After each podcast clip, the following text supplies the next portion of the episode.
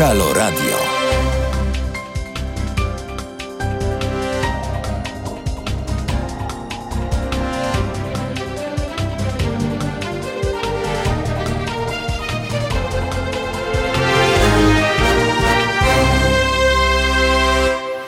Siódma na zegarach. E, cześć, dzień dobry, witam serdecznie. Jacek Zimnik. Czas rozpocząć czwartkowy poranek. E, czwartkowy poranek w Halo Radio do godziny dziesiątej. Mm, e, od czego możemy rozpocząć? Gdy mm, zobaczycie, mm, gdy usłyszycie, o czym dziś będziemy rozmawiać, to na pewno zaraz obliżecie się smakiem. Między innymi dziś o tłustym czwartku. Tłusty czwartek jest świętem wszystkich łakomczuchów oraz dniem, kiedy rozpoczyna się ostatni tydzień karnawału.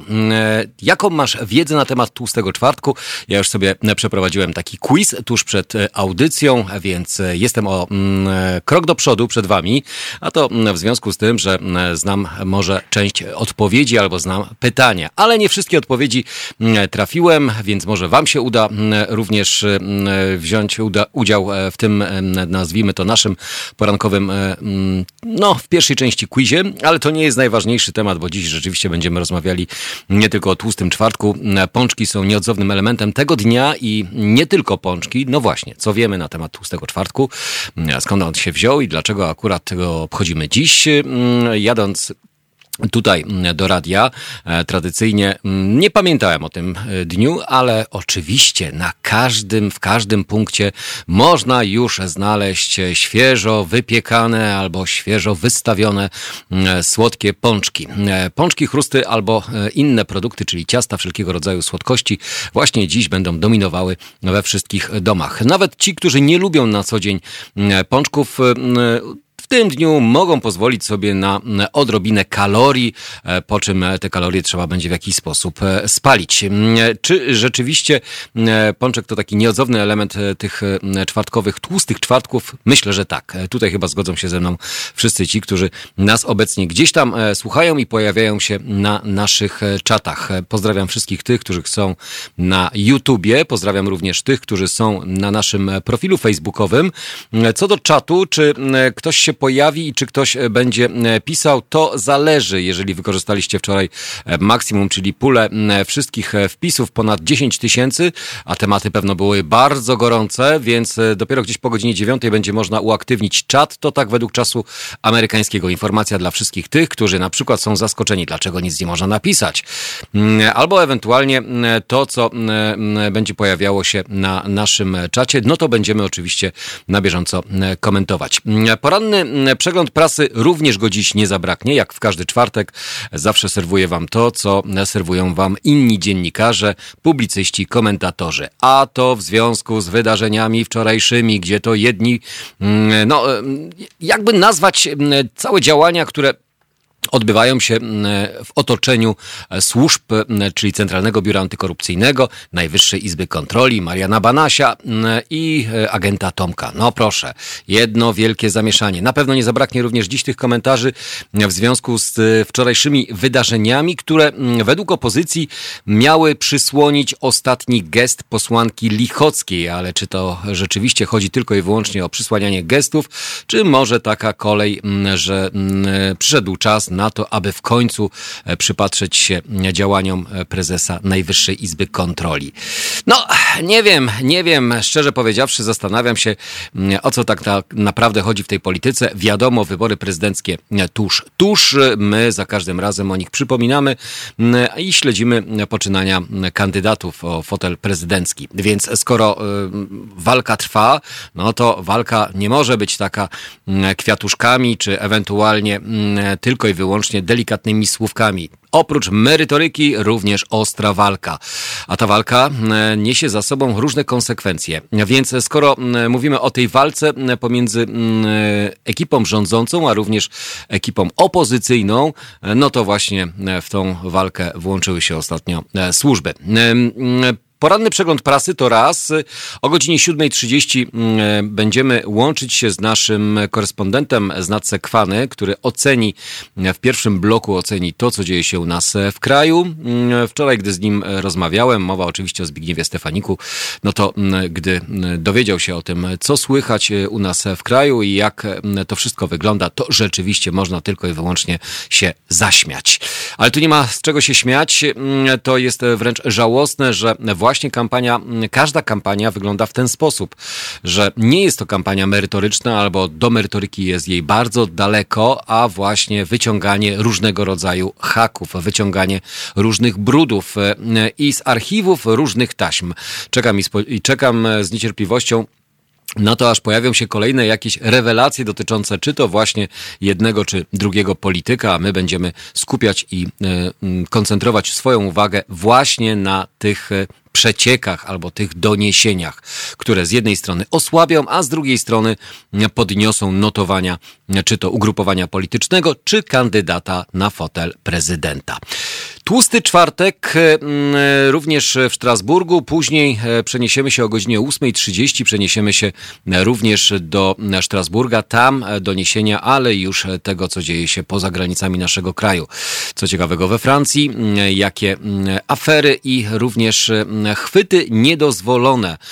Będzie mowa o publikowaniu nie e, do opublikowania taśm, które doprowadziły właśnie do upadku albo afery, nazwijmy to obyczajowej z jednej strony, a z drugiej strony no, e, upublicznianie taśm. My to znamy, mm, znamy to z naszego podwórka, ale o tym między innymi dziś opowie również Zbigniew Stefanik o godzinie 8.30.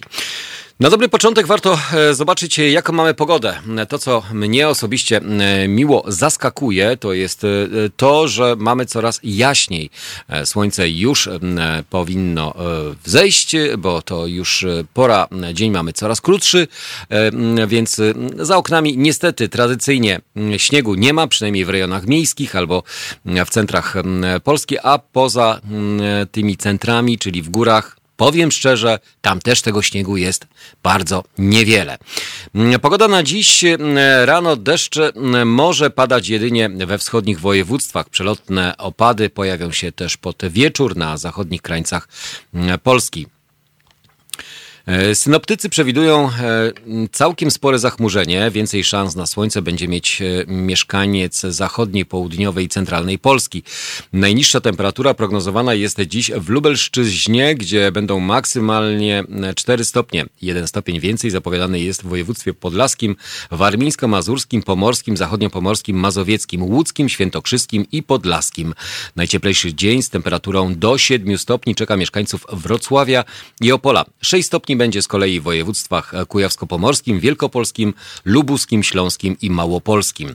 W dzień zachmurzenie duże, jedynie na zachodzie możliwe są większe rozpogodzenia, po południu więcej szans na słońce, także w centralnych i południowych województwach.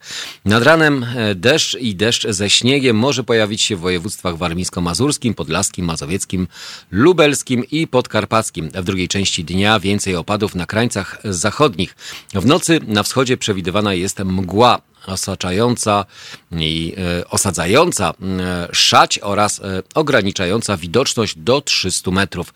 Wiatr słaby, umiarkowany, jedynie na wybrzeżu i w górach silniejsze porywy wiatru. W Bieszczadach może wiać do 80 km na godzinę, a w Tatrach i Sudetach nawet do 100 km. Dodatkowo w tych miejscach pojawiać się będą zawieje i zamiecie śnieżne. No to informacja rzeczywiście dla tych, którzy jeszcze spędzają ferie, a ferie mamy przecież to dni e, ferii i to w całej Polsce. E, ostatni e, okres ferii spędzają między innymi mieszkańcy Warszawy, województwa mazowieckiego. Życzę oczywiście wszystkim tym, którzy mają jeszcze ten tą chwilę e, na to, aby e, właśnie spędzić ją e, poza miastami, poza centrami miast, w, gdzieś w górach czy w rejonach, gdzie można odpocząć. No, życzę rzeczywiście super odpoczynku i to dziś w ten tłusty, rewelacyjny, smakowity, kaloryczny czwartek. Tłusty czwartek, jak będzie u Was wyglądał? Czy jecie dużo pączków, czy pączkami się zajadacie, a może właśnie chrusty, bo to różnie bywa. Różne tradycje, różne zwyczaje, więc O tym między innymi też dziś na antenie Halo Radio. Zapraszam wszystkich do godziny 7 rano, nie, od 7 rano do 10 rano poranek to rzeczywiście bez kawy ani rusz. Więc robimy kawę, wsiadamy w samochód, ewentualnie wybiegamy do sklepiku albo do jakiejś najbliższej cukierni i tam kupujemy słodkości, czyli pączki. Dziś dzień pączka. Złota rączka, dzień pączka. No nie wiem, hasło e, może nie najlepsze, ale myślę, że przynajmniej pobudzające Was do tego, jak właśnie takie słodkości mogą pobudzić również nas do tego, abyśmy bardziej byli aktywni. O aktywnościach może już mniej, ale o słodkościach na pewno będzie zdecydowanie więcej. Więc zostańcie ze mną razem i z Piotrem, bo Piotr też przecież tutaj jest, który będzie lada moment pączka też konsumował. Pączki u nas też są, są cztery pączki. Jeżeli ktoś ma ochotę, to niech wpadnie na e, jednego przynajmniej. E, podzielimy się. Podzielimy się? Tak, podzielimy się. Pączkami też się podzielimy. Informacjami i pączkami dziś do godziny 10 rano w Halo Radio.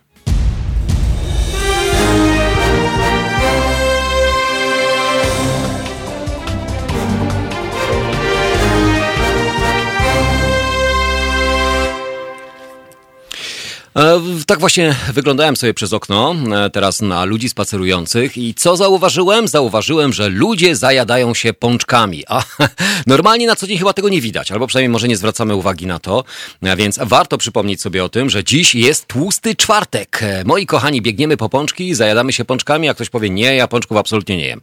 Okej, okay, dobrze, szanuję to.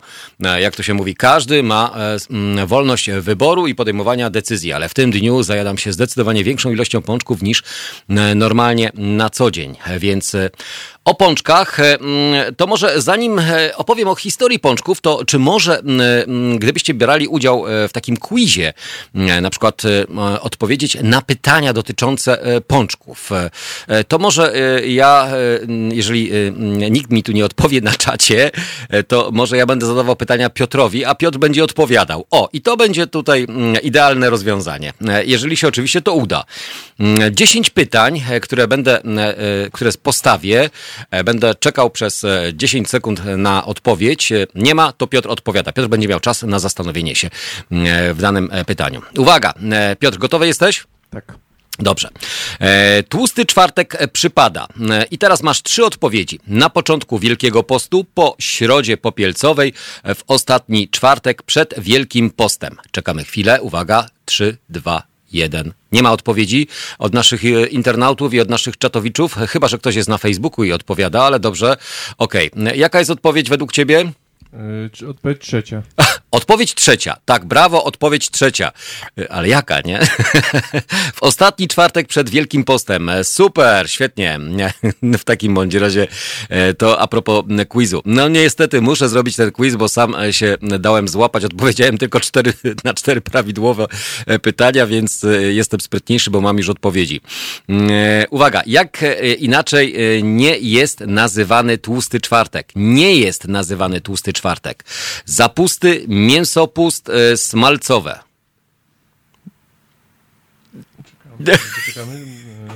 Jak inaczej nie jest nazywany tłusty czwartek? Mi się wydaje, że może mięsowe. E, mięsopust. Mięsopust. Nie, nie, nie. Zapusty. Inaczej nie jest nazywany zapusty. Okej, okay, dobra. Ile dni przed Wielkanocą obchodzony jest Wielki Czwartek? 40, 52 i 60. No strzelaj, strzelaj, strzelaj. 40. Brawo, 40, świetnie. W tłusty czwartek je się, uwaga, pączki i faworki. Nie, przepraszam, 40 to jest błąd. 52. 52 to jest prawidłowa odpowiedź. Matko boska, normalnie. W tłusty czwartek je się pączki i faworki, słoninę i kaszankę, faworki i ciastka. Pączki i faworki. Brawo, gratulacje. Inna nazwa faworków to lejki, chrusty, łamańce. Chrusty.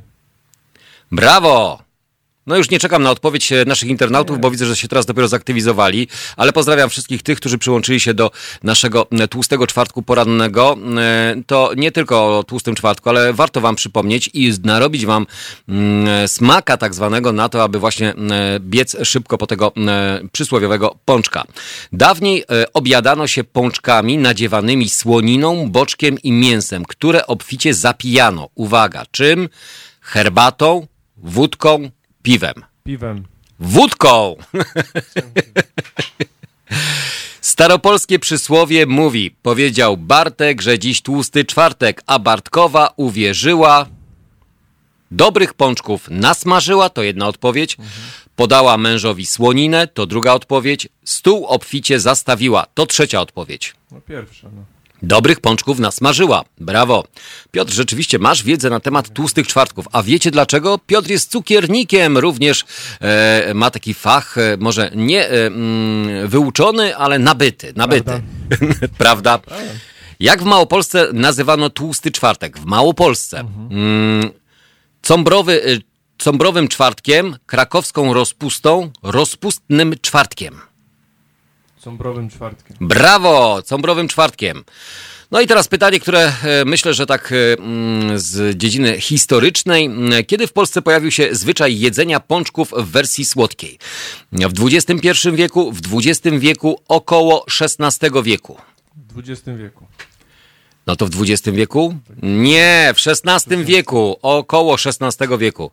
Dobrze, no niestety, czasami też e, mm, się nie udało. Mm, Tutaj też miałem problem z tym, mm, kto jest autorem. Uwaga, kto jest autorem wiersza Tłusty Czwartek? E, Władysław Broniewski, Jan Brzechwa, Julian Tuwim.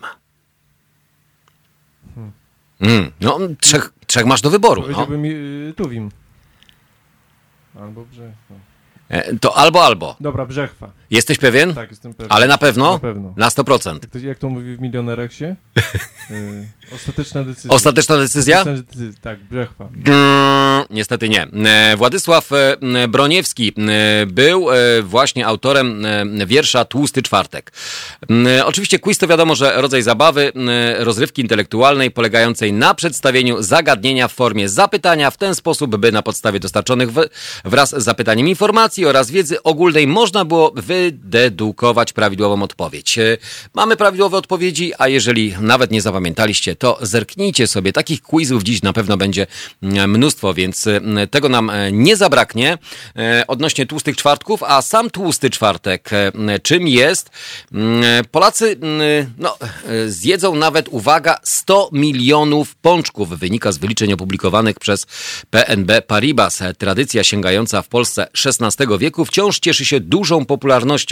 Do przygotowania samego ciasta drożdżowego w piekarnikach, cukierniach i domach zostanie zużyte łącznie około 2,5 tysiąca ton mąki pszennej, 500 ton cukru, 500 500 ton masła, milion 300 litrów mleka oraz około 25 milionów sztuk jaj. Strasznie dużo. Z badań wynika, że tłusty czwartek, mm, mm, w ten e, tłusty czwartek dzisiejszy zjemy około 100 milionów pączków. Oznacza to, że na jednego Polaka przypada 2,5 pączka. No, my mamy tutaj cztery pączki, więc na nas przypada dwa. Jak wrócimy do domu, to zjemy jeszcze po jednym. Ja, ja normę wyrobię. To Wyrobisz normę. Ja wyrabiam normę e, spokojnie. 4 do 5 pączków. e, Zapijam to jakimś napojem gazowanym, nie będę reklamował, ale e, taki, co by mi w żołądku mogło się to wszystko poukładać. Ceny pączków e, w sklepach e, i cukierniach zaczynają się od e, kilkudziesięciu groszy, sięgając nawet do 5-6 zł za sztukę. Ja znam pączki i pączkarnię, która sprzedaje nawet pączki po 10 zł, a to w zależności od nadzienia. Tak? No tak może być. No.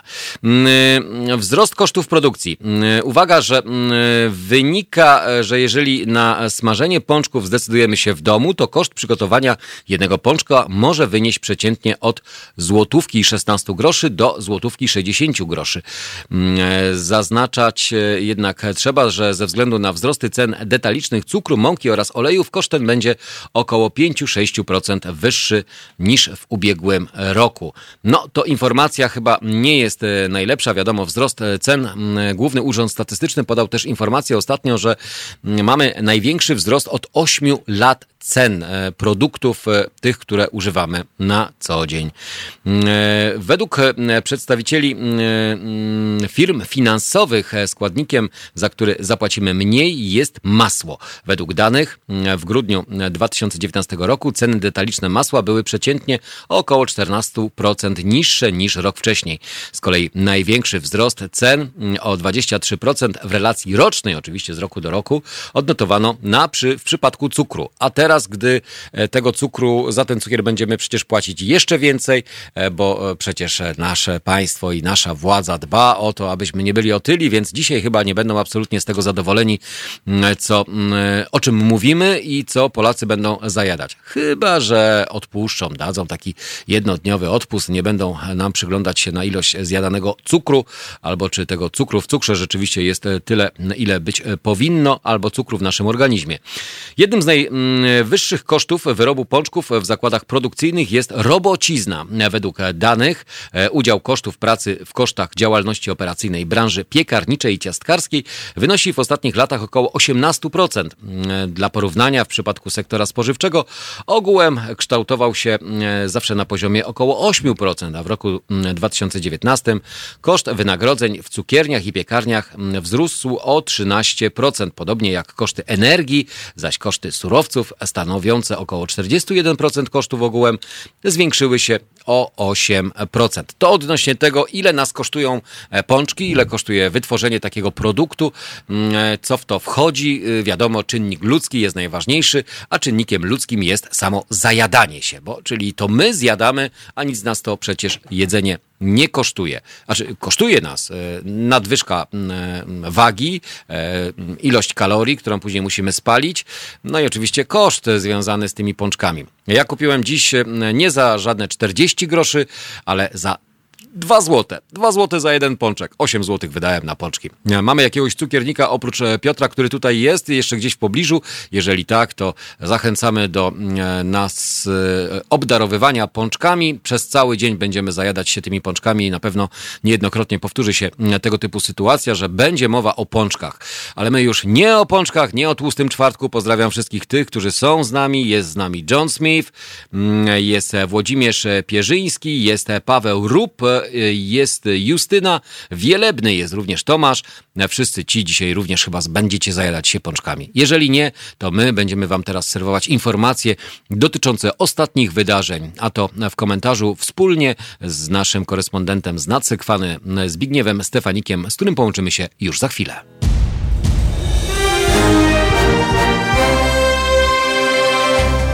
Halo Radio. Gadamy i trochę gramy.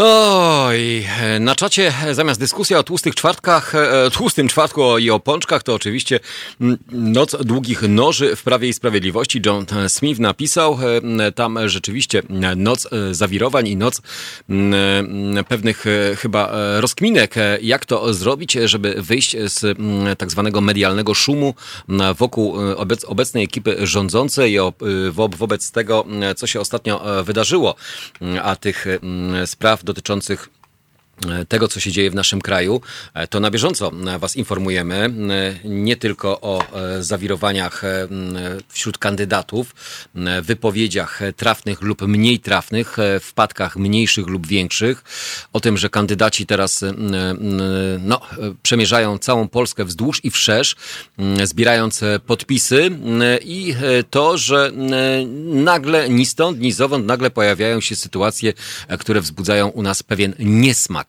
E, nie smaga to w związku e, z zatrzymaniem e, agenta Tomka, to z jednej strony, z drugiej strony wejście Centralnego Biura Antykorupcyjnego do siedziby nie tylko Najwyższej Izby Kontroli, ale również do mieszkania i to nie samego Mariana Banasia, ale również i córki do biura, więc sytuacja rzeczywiście jest dość śmieszna, wręcz kuriozalna, albo przynajmniej wprowadzająca nas w pewien dyskomfort. O co tak naprawdę w tym wszystkim chodzi? Jak oceniają to również inni, czyli ktoś, kto chłodnym może okiem spojrzeć na naszą rzeczywistość polityczną, E,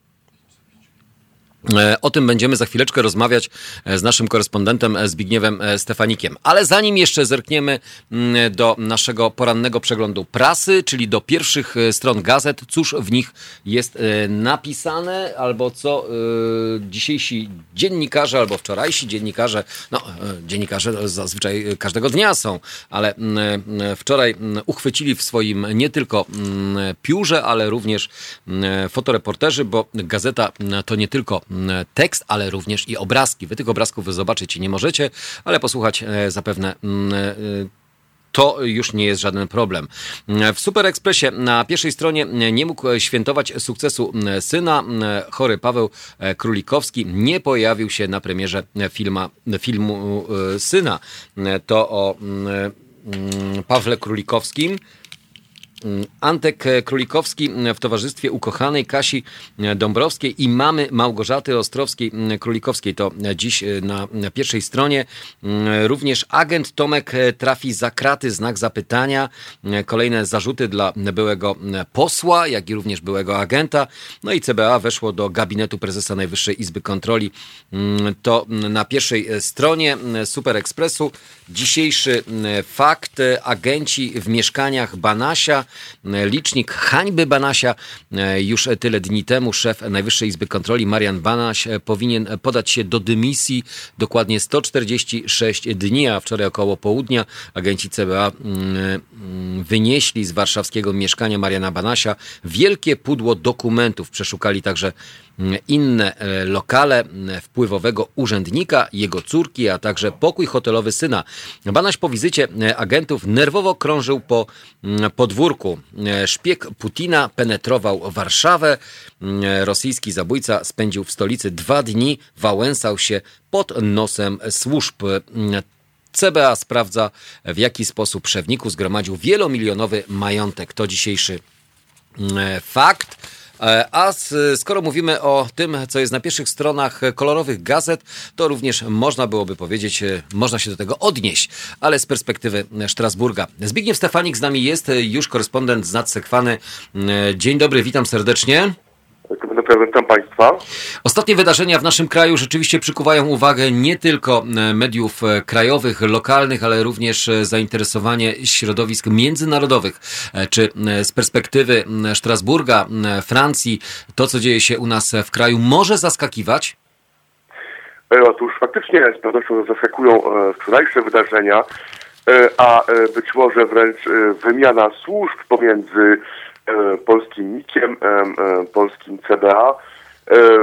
Tak naprawdę trudno powiedzieć, jaka służba kogo inwigiluje, ponieważ zdaje się, iż poszczególne służby są wysyłane do poszczególnych instytucji i już wszyscy się gubią w tym, kto tak naprawdę jaką służbę wysłał.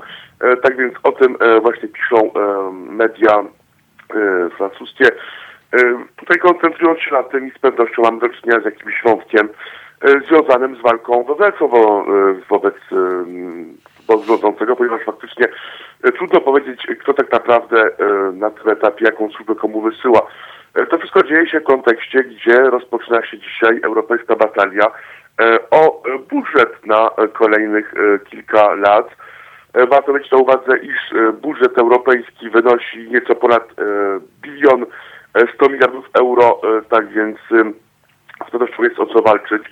Wiadomo, iż Polska już e, startuje e, z pewnym e, kłopotem, ponieważ z pewnością nie polityka spójności czy polityka rolna będzie priorytetem Unii Europejskiej w następnej perspektywie budżetowej, ale takie właśnie dziedziny jak kwestie związane z ekologią, transformacją ekologiczną, czyli klimatem, kwestie rozwoju technologicznego, kwestie rozwoju zbrojeniówki europejskiej, czy też kwestie e, obrony europejskich granic, czyli tak zwana polityka migracyjna. E, również e, na tym szczycie ma być podjęta kwestia połączenia praworządności z funduszami europejskimi, tak więc mówiąc wprost, czy dystrybucja funduszy europejskich, czy ich wypłata E, będzie powiązana w kolejnej perspektywie budżetowej e, z poziomem praworządności e, w danym państwie. To wszystko przed nami,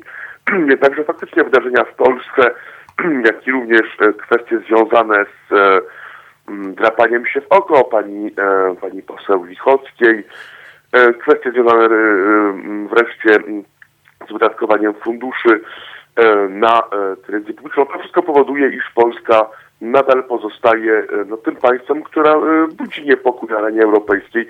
Tak więc jak ta pozycja Polski będzie wyglądała już za kilka godzin, e, no to pytanie, z kim Polska będzie w stanie e, zawierać sojusze, e, aby skutecznie zawalczyć o europejskie środki. W sytuacji, gdzie faktycznie Grupa Wyszehradzka, która ma być tym głównym sojusznikiem Warszawy, już nieraz pokazała, iż tak naprawdę niekoniecznie o interes Warszawy i tej ekipy rządzącej dba najbardziej. Panie tak Zbigniewie, ale z jednej strony mówimy z perspektywy mm, Strasburga i tego, e, jak mm, Polska pozycjonować się będzie na arenie międzynarodowej, ale też e, na pewno ogromny wpływ i bardzo mm, skupia obecnie e, Polska swoją uwagę w związku z wyborami prezydenckimi, które mamy już pierwszą turę 10 maja. Czy są informacje, czy pojawiają się nie tylko spekulacje, ale jakby opinie i komentarze dotyczące kandydatów startujących, zbierających obecnie oczywiście podpisy, bo wiadomo, że mm, do tego, żeby wystartować mm, o fotel e, prezydencki, to trzeba jeszcze tych podpisów trochę nazbierać, minimum 100 tysięcy. Ale wśród kandydatów mm, pełnia nadziei, optymizmu, że oczywiście każdemu się uda. Życzymy wszystkim, żeby każdemu się udało i żeby do równej walki mogli stanąć. Ale ocena tych e, kandydatów z perspektywy Strasburga jak wygląda? E, przede wszystkim jest ocena warunków, w jakich te podpisy są zbierane. Otóż tutaj e, zauważono w Strasburgu, e, iż tak naprawdę e, kandydaci mają tylko trzy tygodnie, tak więc bardzo mało czasu. E, w odniesieniu do e, tego, co miało miejsce 5 lat temu, kandydaci mieli bodajże 3 miesiące 5 lat temu, tak więc jest to ta różnica. Jednakże faktycznie Strasburg zauważa, iż kandydatów jest w tych wyborach nad Wisłą wiele. Jednakże tutaj e, e, główną uwagę e, przykuwa kandydatka Przybadackiej, która jest uznawana za tą kandydatkę, e, no, która ma największe szanse z punktu widzenia sondażowego, przynajmniej na razie, e, na e, elekcję w kontrze do urzędującego prezydenta Andrzeja Dudy. Jednakże faktycznie wielu komentatorów zauważa, iż na tym etapie kampania pani marszałek nie brzmi w sposób dynamiczny i to może stać się no, dużym kłopotem, e, być może również w drugiej turze, w e, sytuacji, gdzie faktycznie zdaje się, iż trudno tutaj e, doszukać się jakichś niespodzianek, czy też właściwie haseł, czy w ogóle elementów stymulujących debatę. Również wiele uwagi mediów francuskich przykuwa kandydat lewicy. Otóż media zauważają, iż jest on coraz częściej obrażany i to przez przedstawicieli wysokich instytucji, takich właśnie jak Kościół, e, no czy też nawet obóz rządzący. E, tutaj była przytaczona wypowiedź pani Kępy z konwencji wyborczej jej partii Solidarnej Polski, no, która no, z pewnością naruszała dobra osobiste kandydata i jego rodziny. Tak więc to wszystko powoduje, iż Strasburg, jak i również Europa Zachodnia obserwuje z uwagą te wybory. E, i na tym etapie tutaj rezerwuję prognozę przypominać, przypominając, iż tak naprawdę Prawo i Sprawiedliwość e, systemu wygrało wybory parlamentarne w Polsce zdecydowaną większością i że naprawdę obóz rządzący obecnie Polską cieszy się wysokim poparciem e, Polaków, tak więc trudno na tym etapie przewidzieć, kto może wygrać wybory prezydenckie, czy obóz rządzący, czy też opozycja. Wreszcie media zauważają, iż tak naprawdę te wybory prezydenckie w Polsce E, są de facto plebiscytem, plebiscytem e, dla e, partii rządzącej. Z pytaniem, czy Polacy chcą, aby partia rządząca nadal miała pełni władzy w Polsce, czy też wolą oni, aby ta władza została podzielona pomiędzy ich obóz, a jakiś obóz opozycyjny wobec obecnie tego obozu politycznego.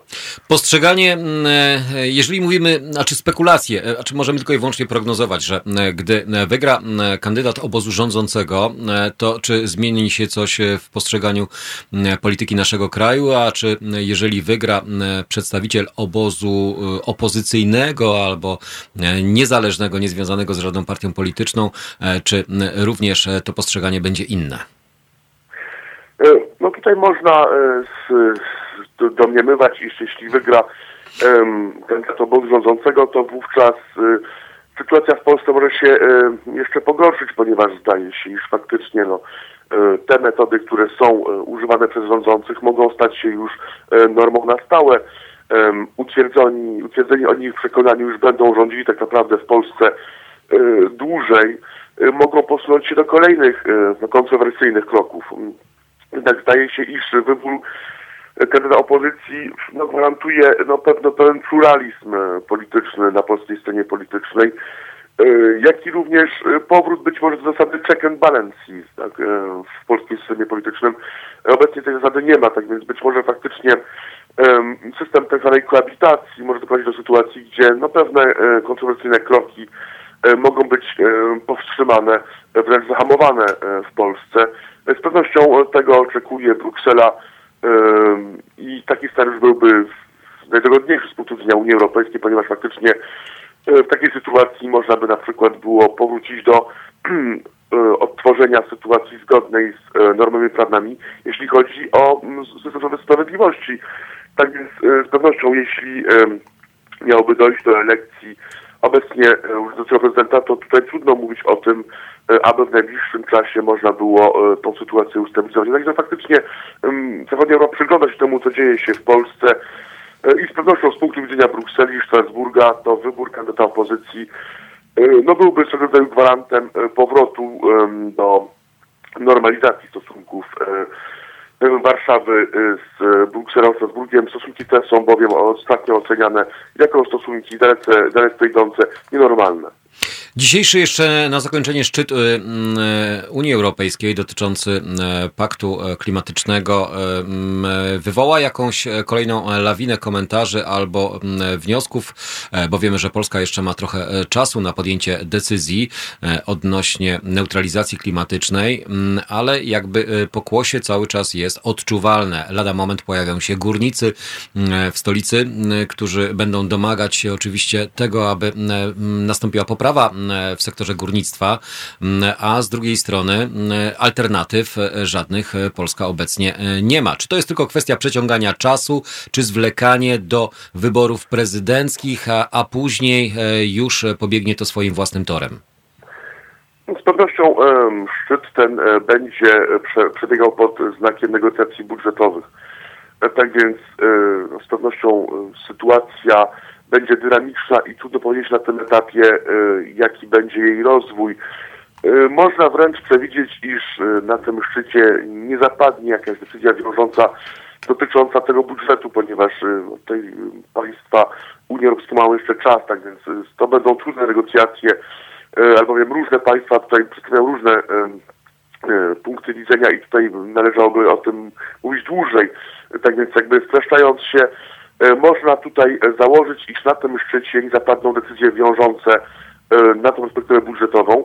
Jednakże z pewnością, jak pan to wspomniał słusznie moim zdaniem, z punktu widzenia Warszawy bardziej interesujące będzie E, przeciąganie e, kwestii związanych z ekologią, tutaj właśnie argumentują na scenie krajowej, iż my bronimy polskiej racji stanu, e, my będziemy reformowali polską gospodarkę naszym rytmem, jak mówił pan premier, my pójdziemy swoim rytmem. Tak więc tutaj z pewnością będzie ten element związany z kampanią wyborczą i no, jeśli e, nic się nie stanie takiego, czego nie można przewidzieć, to trudno spodziewać się dzisiaj, aby Polska miała e, w jakiś sposób wiążący e, deklarować e, jakąś zmianę stanowiska właśnie w kwestiach klimatu przed wyborami. Tak więc tutaj z pewnością dzisiaj to się raczej nie stanie.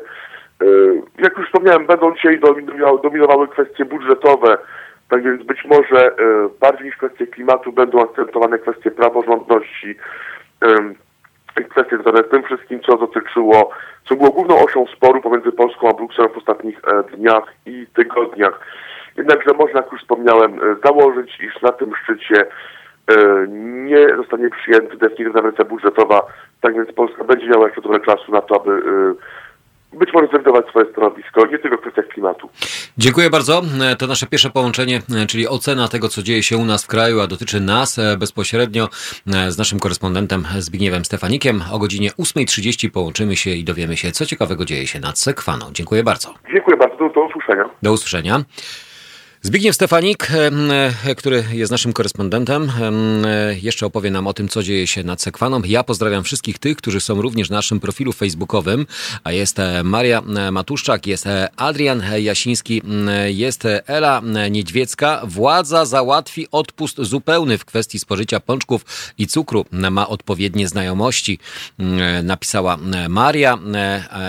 Adrian napisał, w pełni się zgadzam, mamy doprawdy do czynienia z kompletnym zepsuciem państwa przez PiS, a to wczorajsza akcja CBA wymierzona w Banasia to kolejny niezbity przykład tego, jak PiS e, kocha grać służbami w czasie kampanii wyborczej i bezczelnie je wykorzystuje celem zbijania sobie politycznego kapitału. Jednym słowem obrzydliwość i karygodność na maksa. Maria i odpowiedzialni ludzie rządzą tym państwem. Przynajmniej tak być powinno. Dzień dobry z okazji Dnia Pączka. Ja również e, wszystkich witam, e, tych, którzy lubią te smakowitości i smakołyki, zajadając się po, e, nazwijmy to, po brzegi. No, no może mi się nie zrymowało, ale pączka chętnie zjemy. Dziś na pewno i to nie jednego. Więc zostańcie z nami, zostańcie ze mną e, do godziny 10 rano. E, na razie doniesienia były e, spoza granicy tego, co jest u nas w kraju, a już za chwilę przejdziemy do naszych krajowych wydarzeń.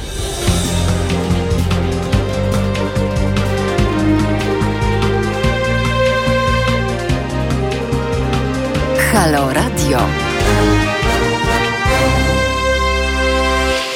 No i pozdrawiam wszystkich tych, którzy są z nami na YouTubie, e, również na Facebooku i słuchają nas za pomocą aplikacji. E, ci, którzy słuchają nas za pomocą aplikacji, mają o tyle wygodniej i tyle e, przyjemniej, że w przerwach pomiędzy tym, kiedy nic nie słyszycie, to znaczy nie słyszycie ani naszych komentarzy, ani komentarzy naszych publicystów czy gości, to wtedy rzeczywiście jest dziura. Jest dziura. No, dlatego zalecam oczywiście, aby słuchać nas za pomocą aplikacji, ale jeżeli jesteście przy komputerze, no to przecież możecie też e, oglądać e, nas, e, to co robimy w danym momencie. Tomasz napisał na YouTubie, cześć, pączkowy dzień dobry, pączkowy dzień dobry, licznik na ten moment zero, ale nie wiem ile się utrzyma ten poziom. Ok, czy zdradzicie mi może swoje dane, nie powiem statystyczne, ale z poprzednich lat, jaką liczbę pączków udało wam się zjeść na maksa.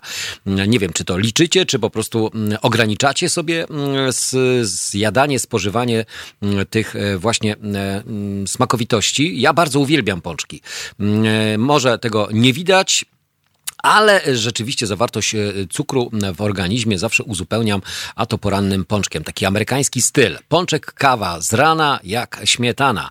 E, Kazimierz e, napisał, jak tradycja stara każe, w domu, sklepie, biurze i w barze wszędzie pączek dziś króluje, każdy chętnie go smakuje. Z dżemem, z cukrem, z wisienkami, wszędzie pączek dzisiaj z nami. Dziś kalorii nikt nie liczy, wszędzie moc pysznych słodyczy. W tłusty czwartek przez dzień cały, e, słodkim królem pączek mały. Tłusty czwartek, dzień rozpusty, każdy wcina pączek tłusty. I nieważna jest figura, kiedy w domu pączków góra i faworek też być musi. Swym wyglądem również kusi. Każdy zjada ile zdoła i o więcej ciągle woła. Ja kalorii dziś nie liczę, i smacznego wszystkim życzę. No, e, to napisał mm, jeden z naszych e, słuchaczy, mm, albo oglądaczy, albo internautowych e, śledzących nas, mm, no, tych, którzy lubią Halo Radio. No to takich wierszy zapewne dzisiaj na pewno będziemy serwować wszystkim mnóstwo. No bo co robimy w takie dni? No w takie dni dzielimy się tym, że e, jakby nikt nie wiedział o, o, tym, że jest tłusty czwartek. A jeżeli nawet ktoś nie wiedział, no to się właśnie dowiedział, słuchając naszej audycji, e, czyli Halo Radio. Ale zazwyczaj, czy to właśnie na Facebooku, na Twitterze, czy na e, Snapchacie, czy na TikToku, czy gdziekolwiek indziej, będziemy dzielić się informacjami na temat tego, ile pączków zjadamy, a ile tak naprawdę zjadamy, a może po po prostu nie jemy tych pączków. Może omijamy to mm, szerokim łukiem, tak jak każde mm, nielubiane lub lubiane święto komercyjne. Uznajemy, że nie, absolutnie, ja się wyłamuję, ja jem na co dzień mm, pączki, więc po co będę obiadał się dodatkową ilością kalorii właśnie w ten wyjątkowy dzień. A to jest właśnie wyjątkowy dzień.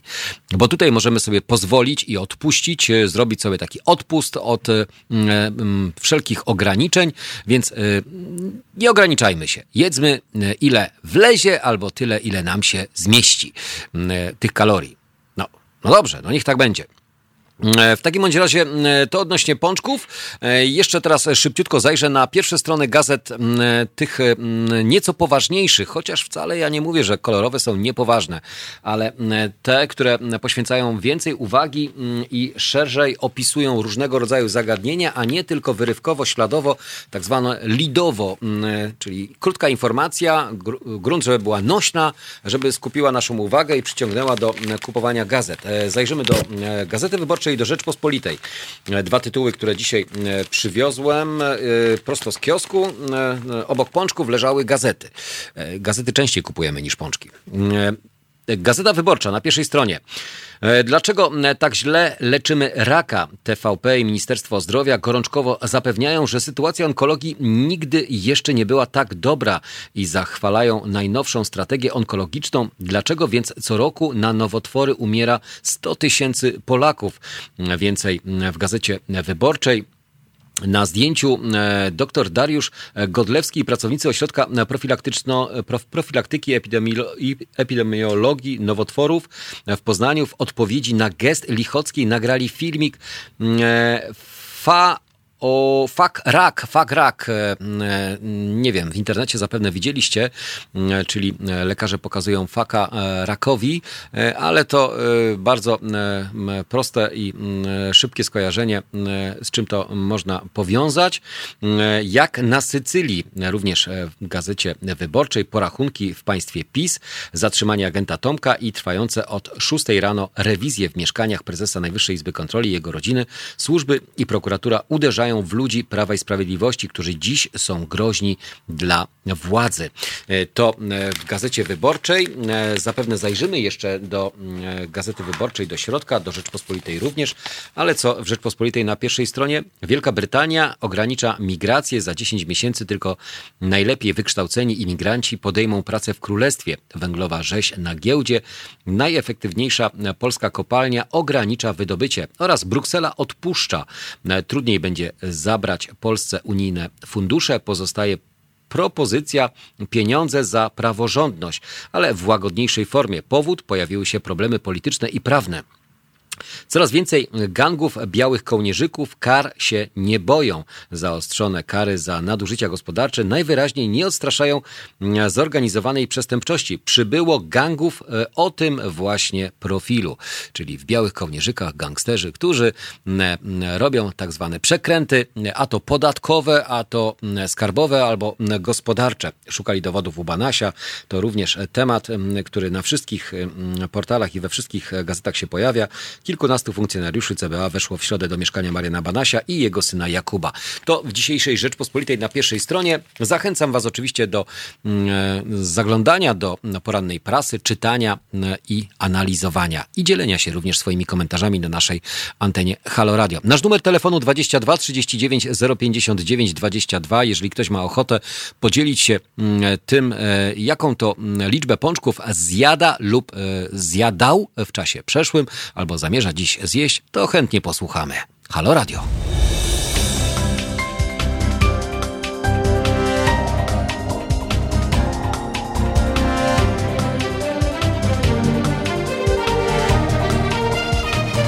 Halo Radio.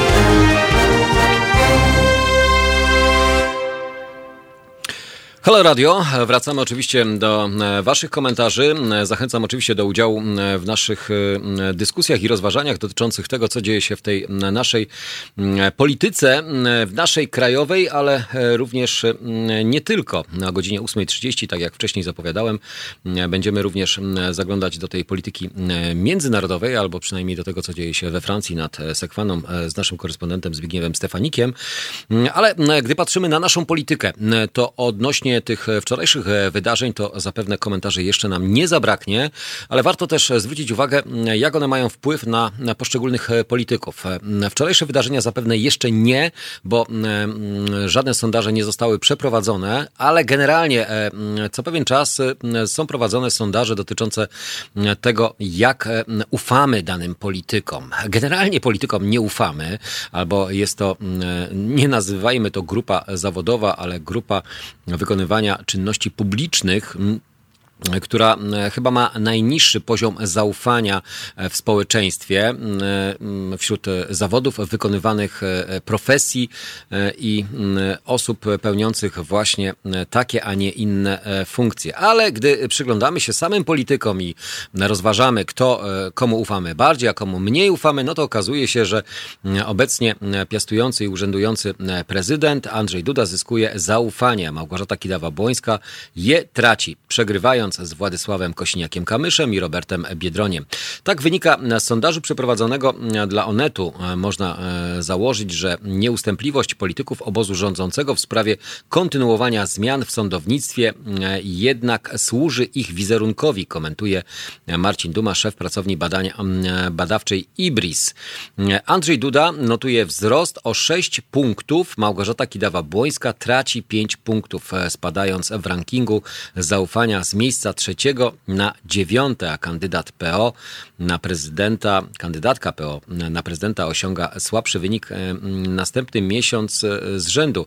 Od listopada poziom zaufania do niej spadł łącznie o 11 punktów procentowych. E, znacząco rośnie zaufanie do Roberta Biedronia, Tomasza Grockiego i Zbigniewa Ziobry.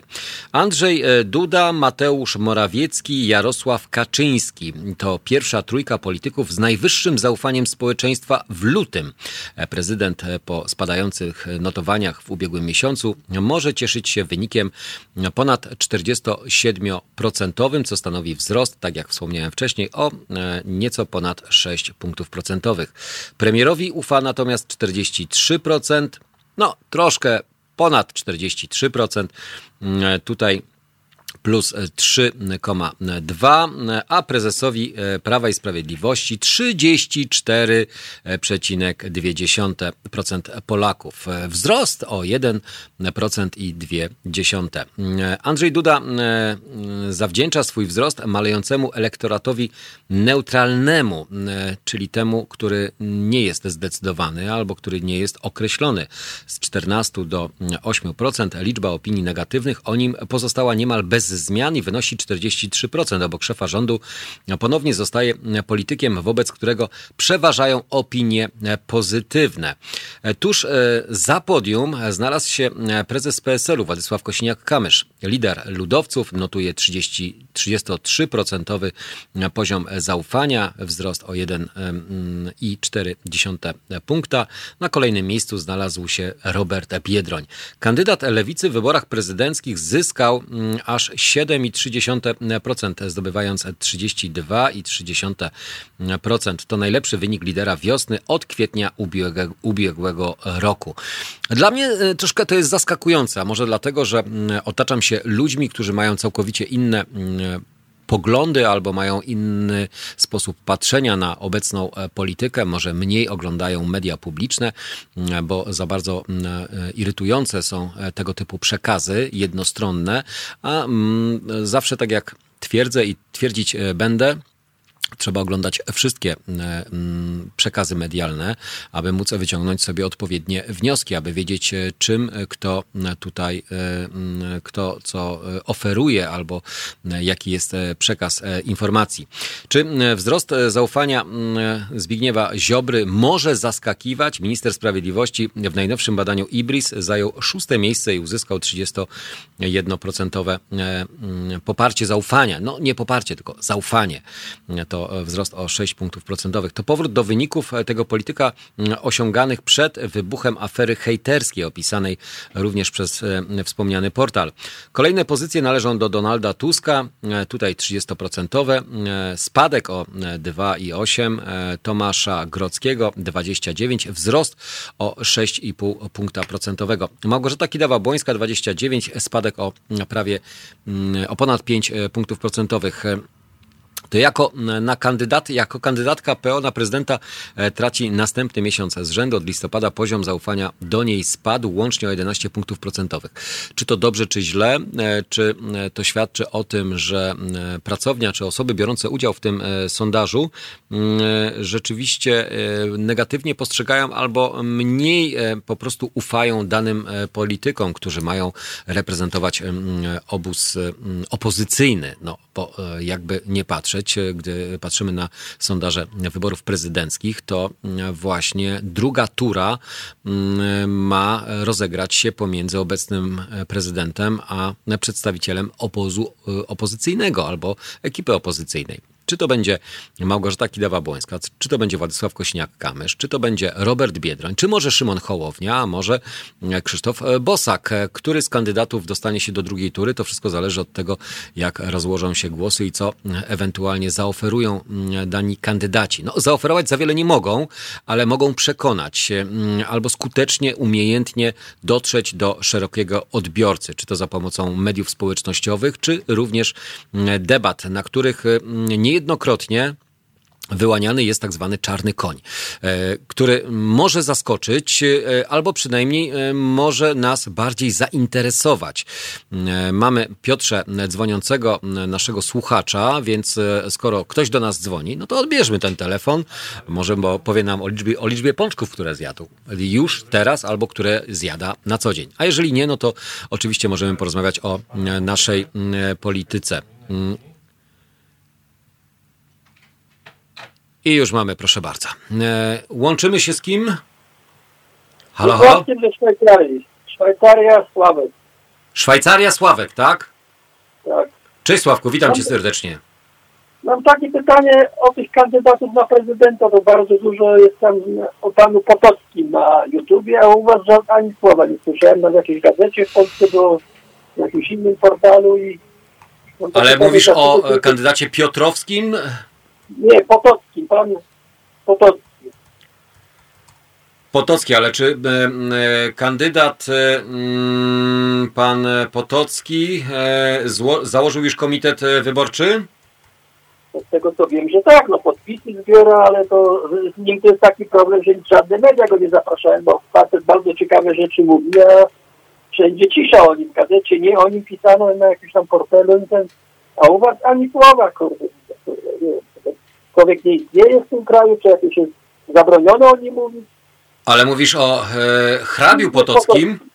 Tak jest, tak. Hrabia Potocki, samozwańczy prezydent Polski, e, założył... O, właśnie. No, no, dobrze, to może nam coś powiesz więcej na jego temat i na e, temat e, samego e, kandydata, czym on się wyróżnia spośród innych, e, bo ja rozumiem, że e, najpierw trzeba zebrać 100 tysięcy podpisów, aby móc w ogóle mówić o tak zwanym kandydacie, który może rzecz, rzeczywiście stawać w konkury z innymi.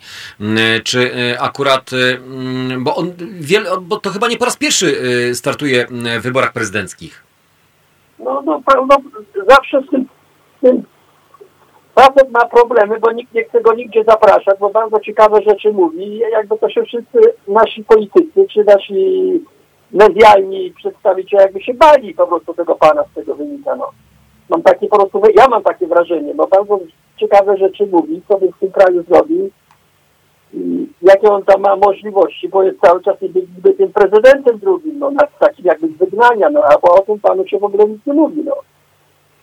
No tak, e, z, z, informacji, które na przykład e, gdzieś tutaj znajdujesz szyb, szybko w internecie, samozwańczy prezydent Polski e, założył nie dość, że partię, to chciał jeszcze wystartować w wyborach na prezydenta Warszawy. No chciał, ale jakoś nie wystartował. No więc jak traktować poważnie osobę, która dobrze, okej, okay, może mówić mądrze, ale co za nim idzie? Przede wszystkim trzeba mieć struktury, trzeba mieć ogromne pieniądze. Koszt takiej kampanii prezydenckiej to bagatela przynajmniej no minimum miliona, jak nie więcej złotych, który trzeba wydać, mm, a samymi hasłami mm, górnolotnymi albo populistycznymi hasłami dotyczącymi tego, że chcę, żeby było dobrze w naszym kraju, mm, to myślę, że e, niewiele e, może przy, przyciągnąć albo skupić wokół, wokół siebie osób, które mogą poprzeć akurat danego, danego kandydata.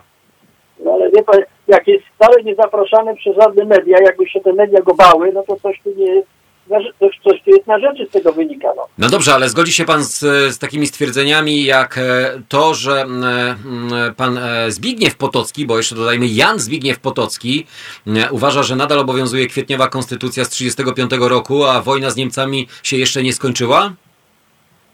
No, może, może to jest i prawda, bo my takiej wiedzy nie mamy, żadne media o tym u nas nic nie mówią. No. To hmm. tak samo jak myślę, że u Was też się nic nie mówi na temat y, powiedzmy zdrowotności Polaków, na temat y, żywienia w Polsce, materiałów spożywczych, no bo to jest poważny problem, zwłaszcza z tym, z tym roundupem. Też me, media, rząd jakby mają zamknięte usta, a kupę Polaków choruje, tak samo jak tymi dwa, dwoma miliardami na telewizji. No zamiast dać na lecznictwo, to się daje na propagandę praktycznie, no. Jakbyśmy, praktycznie jesteśmy w kraju komunistycznym no. Ja, ja mam takie, moje to jest takie wrażenie. No, no dobrze, ale ja, ro... no, ja rozumiem, ale zawsze za każdą kampanią są, e, jest ogromny sztab ludzi, tak? A tutaj e, mówimy o e, pewnym, nazwijmy to mm, takim indywidualnym podejściu, no bo media piszą, media wspominają oczywiście o samozwańczym prezydencie, który no nazywany przez siebie e, e, hrabią, bo hrabią, czyli tutaj bardziej bym szedł w kierunku takiego modelu monarchistycznego, czy może już nie prezydent, ale może bardziej kandydat na króla. No, no może by to Polsce pomogło, jakby był król. To, tak z tego wynika, co się w tym kraju dzieje, to żadnej praworządności praktycznie nie ma. No. Wy jesteście chyba takim jedynym medium, jednym z jedynych, i to tylko w internecie, no bo po prostu was też nigdzie nie mówi, no to tylko ci goście to są to fajna audycja jest, mm-hmm. to jest okay. no, no tylko, że no po prostu nie wiem, nasz naród... No, tutaj na środku zostałem aresztowani, o, ten mały, ten kask, od strony szosy pod nim jeśli tutaj Hitler troszkę wleje, tam taki mały element w środku stoi. No, bo nasz kraj, jakby ci ludzie są uśpieni wszyscy dziwnie jakoś tam. Znaczy ludzie nie są uśpieni, ludzie są przede wszystkim ogłupieni tak. albo przekazem informacji, tymi informacjami, którymi jesteśmy zasypywani e, na co dzień. E, skupiamy się wokół tych wydarzeń, a nie koncentrujemy się na rzeczach ważnych, istotnych, które rzeczywiście mogą mieć jakiekolwiek znaczenie i wpływ. No, no niestety, takie są media. Dlatego media niezależne, czy media obywatelskie, te, które z jednej strony finansowane są właśnie przez obywateli z wolnych dat, a czy z datków do nikt nikt e, do, do, niczego, nikogo tutaj absolutnie nie zmusza, ale mm, mm, no jakby w ten sposób też nie mamy żadnych nacisków, tak? To nie są media, które są korporacyjnymi, e, są korporacyjną strukturą uzależnioną od kogoś lub od czegoś, tak? No my tylko i wyłącznie od pieniędzy, no jak, jak to się mówi. No tak, no wiadomo, pieniądze grają tu dużą rolę wszędzie, no jednak nie wiem, czy to nasz naród jest taki łatwy na pieniądze, czy politycy, czy wszyscy dziennikarze i tak dalej. No wiadomo, nie wszyscy dziennikarze, nie mówię, bo wy jesteście wspaniałym, wspaniałymi dziennikarzami, dużo rzeczy fajnie robicie, no ale to niestety to jest, no niestety jak na nasz kraj 30 milionowy, jak tyle ludzi jest, no to jest to mało niestety, no. jak się patrzy, no to chyba jako jedyny kandydat, który to wygra, bo w takiej propagandzie to to niestety wszystko na to wskazuje, no. No dobrze, dobrze. No, o e, nazwijmy to kandydatach, o których e, media generalnie nie mówią, również e, powiemy. Nie nazywajmy tego egzotycznymi kandydatami, ale nazywajmy to tych, którzy chcą i dobrze dla naszego kraju z własnym programem czy z własną propozycją wychodzą, bardziej lub mniej znani. Mamy kilku takich, którzy gdzieś pojawiają się w tej przestrzeni. Może o nich będzie zdecydowanie głośniej. Hrabia Potocki to jeden z takich kandydatów e, który e, założył komitet, e, zgłosił, ale czy uda się zebrać, tego nie wiemy. Ja zawsze mówię tak, życzę każdemu kandydatowi, aby zebrał jak największą liczbę swoich, nazwijmy to, swojego elektoratu, który go poprze, a jeżeli nazbiera co najmniej 8 milionów głosów w wyborach, to i też szansę ma na ten fotel prezydencki bez żadnego problemu. Dziękuję bardzo. Sławku, pozdrawiam Szwajcarię. Szwajcarię. Pozdrawiam e, chyba wszystkich kierowców, e, bo e, chyba jeździsz samochodem, tak? Nie, nie, pra, pracuję, pracuję na dźwigu na budowie, dlatego A, dlatego tam e, taka komunikacja była gdzieś tam słyszalna pomiędzy e, twoimi kolegami, którzy też chyba pracują. no takie trochę się, trochę rodaków się trafia już w Szwajcarii. Nie jest to, to dużo ich, ale są. No. Ale jak w Szwajcarii się żyje? Jak się żyje w Szwajcarii? No, no Szwajcarii wiadomo jest to kraj bogaty. Nie ma tu żadnych problemów. No jak się pracuje, jak to się mówi, nie nagina jakiegoś tam prawa, no to wszystko jest w porządku. No wiadomo, dobre są zarobki, nie ma co narzekać. Pogoda też się zawsze, jak to się mówi szwajcarska, nieraz są cztery pory roku w jednym, w jednym dniu, no ale... No, to, to, A to- pracę to- znaleźć łatwo w Szwajcarii teraz, czy e, coraz trudniej? Znaczy, jak się jest fachowcem, to jest łatwo, można powiedzieć. No język przede wszystkim, język, nie? No bez języka to wiadomo, nigdzie to nie ma w ogóle po co startować, nie? Dobra. Teraz mam tu teraz szczęście, że mam tu rodaków na tej pracy, no ale to się rzadko zdarza, nie? Jednak Portugalczyków, Hiszpanów jest więcej tu w. Portugalczycy, Hiszpanii e, i e, Polacy. Sławku, dziękuję Ci bardzo. Pozdrawiam wszystkich Twoich kolegów, e, znajomych i mieszkańców, którzy przebywają obecnie w Szwajcarii, a to w celach zarobkowych albo wypoczynkowych. Życzę Wam miłego dnia. Pamiętaj, dzisiaj tłusty czwartek. Więc słyszę to od rana. No dziękuję. Dzięki, pozdrawiam serdecznie.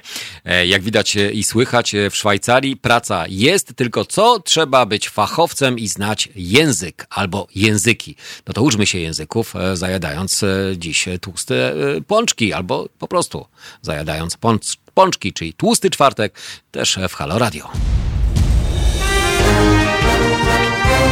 Halo Radio.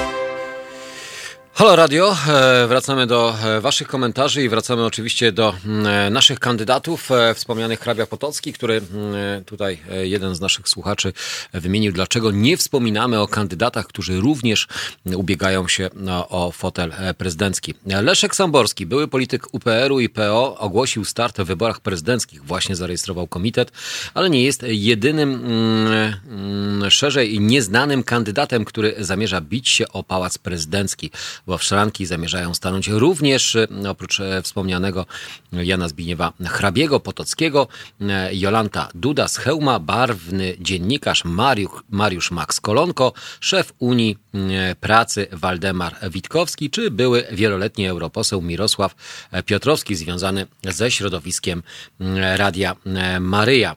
Kim są dani kandydaci? No to może po kolei. Leszek Samborski to były polityk między innymi Unii Polityki Realnej Platformy Obywatelskiej w 2004 roku. Zasiadał w Sejmie, zajmując miejsce Pawła Piskorskiego, wybranego do Parlamentu Europejskiego. Rok później nie uzyskał reelekcji.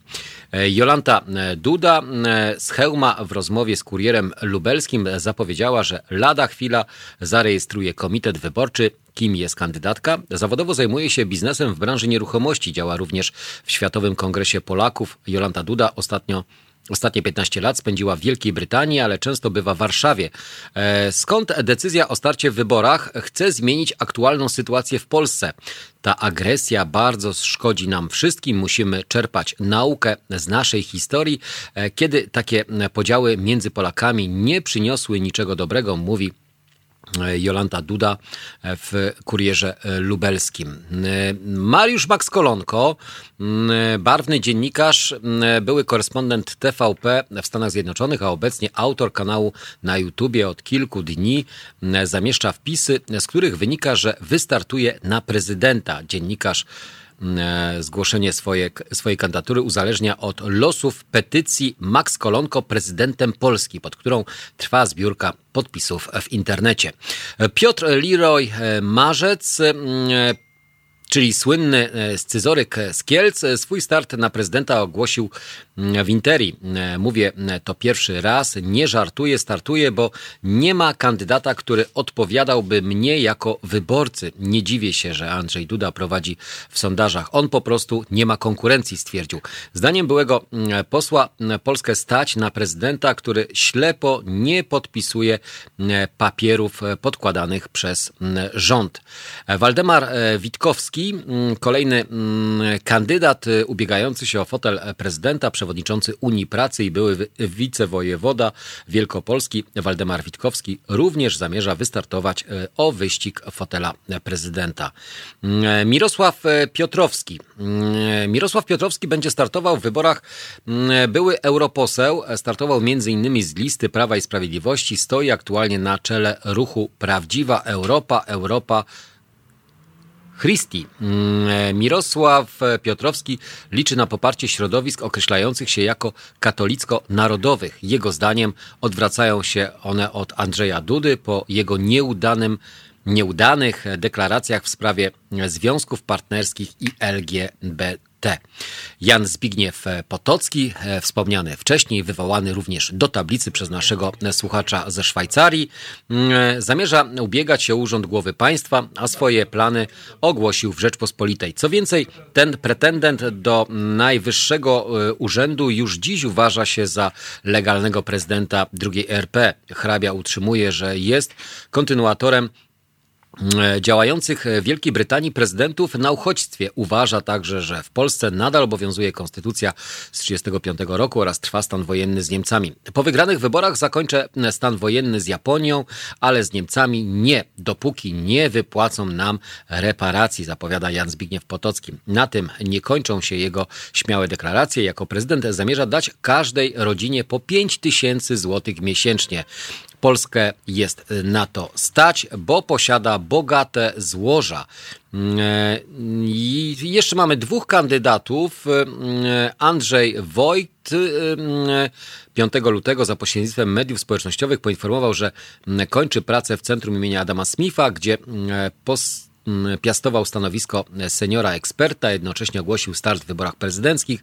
Dzisiaj jest czas zmian. Zmiany mogą nastąpić tylko e, z człowiekiem, który e, wygrał e, m, system takim jak ja, wykształconym, mówiącym kilkoma językami obcymi, m, doświadczonym w rządzeniu, powiedział 53-latek. Przypomniał, że przepracował 5 lat w administracji rządowej, współpracuje z pięcioma, współpracując z pięcioma premierami. No i Leszek Bubel, mm, tutaj akurat widzę e, bardzo takie atrakcyjne zdjęcie, czyli szeryf jest nie tylko jeden, ale również Ryszard Bubel, e, ten mm, kontrowersyjny polityk, który sam określa się jako naczelny antysemita RP. Swój start zapowiedział już rok temu.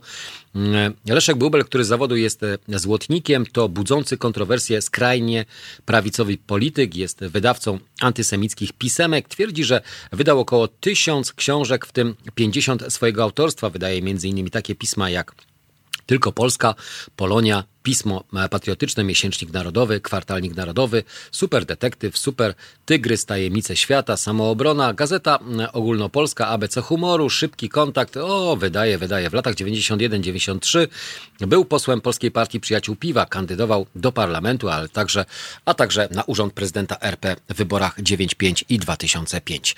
No, kandydatów, jak widać, wcale nam nie brakuje. Czy któryś z nich zyska poparcie i poklask społeczny? Tego nie wiemy. Liczymy, że jeżeli uda im się zebrać 100 tysięcy podpisów, to wtedy będziemy zdecydowanie głośniej i częściej mówić na ich e, temat. A teraz e, przenosimy się e, do Strasburga. Tam nasz korespondent Zbigniew Stefanik, z którym łączymy się i tym razem doniesienia z nadsekwany, czyli co ciekawego we Francji wydarzyło się w ostatnim okresie i w ostatnim czasie. Witam, witam Państwa ponownie. E, być może e, warto powiedzieć słów kilka e, o tym, co zresztą jak, jak polską, jak polską, francuską prasę również bulwersuje to wydarzenia z Frankfurtu, gdzie zginęło wczoraj wieczorem dziewięć osób. Zostali oni zastrzeleni przez, jak wszystko na to wskazuje, przedstawiciela skrajnej prawicy niemieckiej. Wiadomo, już odnaleziono w jego mieszkaniu jego ciało, jak również, jak wszystko to wskazuje, ciało jego matki. Tak więc Warto o tym powiedzieć słów kilka, ponieważ um, terroryzm o zabarwieniu prawicowym staje się zjawiskiem zachodnioeuropejskim. Nie tylko w Niemczech, gdzie również w październiku ubiegłego roku doszło um, do podobnych zdarzeń, ale przecież we Francji również do takich zdarzeń dochodzi. Co jakiś czas są rozwiązywane komórki, no, które zamierzają doprowadzić do takich wydarzeń również nad Sekwaną. Kilka miesięcy temu wręcz zatrzymano dyplomatę francuskiego, pracującego w ambasadzie w Hiszpanii, w francuskiej ambasadzie w Hiszpanii. Dyplomata ten z Hiszpanii organizował właściwie w sieci za pomocą e, elektroniki, urządzeń elektronicznych, e, Network we Francji, e, czyli sieć osób, no, które również zamierzały prowadzić działania skrajnie prawicowe na terenie Francji o charakterze gwałtownym. Tak więc te wydarzenia, które miały miejsce we Frankfurcie, stają się, jak już wspomniałem, zjawiskiem zachodnioeuropejskim i już nie tylko terroryzm o zabarwieniu skrajno-islamskim, ale również terroryzm o zabarwieniu skrajno-prawicowym staje się no, dużym wyzwaniem służb antyterrorystycznych w całej Unii Europejskiej. W tym z pewnością jest to duże wyzwanie dla nadal budującej się współpracy policji w Unii Europejskiej. Z pewnością te wydarzenia również staną się elementem dyskusji dzisiejszego szczytu europejskiego, ponieważ, jak już wspomniałem, współpraca w zakresie antyterroryzmu nadal pozostaje wiele do życzenia w Unii Europejskiej, a jest ona z pewnością jednym z tych elementów, które będą musiały brać, być brane pod uwagę nie tylko przez Frontex, ale również przez Europol, jak również inne instytucje, no, które aspirują do tego, aby utworzyć europejską politykę bezpieczeństwa. Tyle na ten temat. Jeśli chodzi o wydarzenia nad Sekwano, otóż w ostatnich dniach Wiele poruszenia wywołało wydarzenie związane z kampanią wyborczą poprzedzającą wybory samorządowe w Paryżu. Otóż po publikacji prywatnych nagrań kandydata partii rządzącej Benjamin Griveaux, nagrań o charakterze seksualnym, doszło do rezygnacji tego kandydata z brania udziału w rywalizacji o merostwo paryskie. Otóż kilka dni temu, osiem dni temu pojawiły się nagrania w sieci nagrania, gdzie kandydat występuje w niedwuznacznej sytuacji. Te nagrania spowodowały, jak już wspomniałem, poruszenie z dwóch powodów. No, z jednej strony ich treść, bardzo wymowna, z drugiej strony zaś fakt, iż nagrania, publicy, nagrania prywatne, gdzie tak naprawdę nie doszło do przestępstwa, tylko doszło do wydarzeń za popólną zgodą uczestników tych nagrań, zostały tak naprawdę umieszczone w przestrzeni publicznej. Wiadomo, że tego dopuścił się rosyjski artysta, postać dość kontrowersyjna, e, podająca się za uchodźcę politycznego we Francji, zresztą mający ten status, e, e, Piotr Pawleński, jak również jego partnerka francuska Aleksandra de Tadeu. Tak więc pytanie, dlaczego dopuścili się oni tej publikacji? Sam Pawleński, który został zresztą wraz z partnerką zatrzymany w kilka godzin po tych publikacjach, jak i również postawiony został mu akt oskarżenia, twierdzi, iż zrobił to on, aby oczyścić ruską scenę polityczną z hipokryty, no, który jego zdaniem brał udział w wyborach na mera Paryża, a przebywając we Francji, czując się już obywatelem Paryża, stwierdził on, iż był to jego obowiązek. Jednakże tutaj wiele wskazuje na to, iż w tej publikacji brały udział rosyjskie służby specjalne, tak więc kolejny dowód na to, iż Rosja nadal ingeruje w wybory mające miejsce w krajach Europy Zachodniej, nie tylko w świecie zachodnim jako takim, zwłaszcza iż Benjamin Griveaux, czyli no, nieszczęśliwy kandydat, który musiał zrezygnować w tej sytuacji z brania udziału o rywalizację o merostwo paryskie, no, był jednym z głównych współpracowników Emmanuel Macrona, jak i również jednym z głównych filarów partii rządzącej na Marsz. Tak więc budzi się kolejny raz dyskusja dotycząca kampanii wyborczej. Warto również odnieść to do kontekstu polskiego, gdzie również zdaje się, iż jakiś czas temu, mianowicie 6 lat temu, pewne nagrania również pobudziły dyskusję, żywą dyskusję w przestrzeni publicznej, dyskusję, w której mówiono, iż mamy do czynienia z aferą taśmową, z pewnością Państwo pamiętacie te wydarzenia, ponieważ zdaje się, iż pewne ośrodki medialne zwykłe są przypominać o tych nagraniach raz na jakiś czas.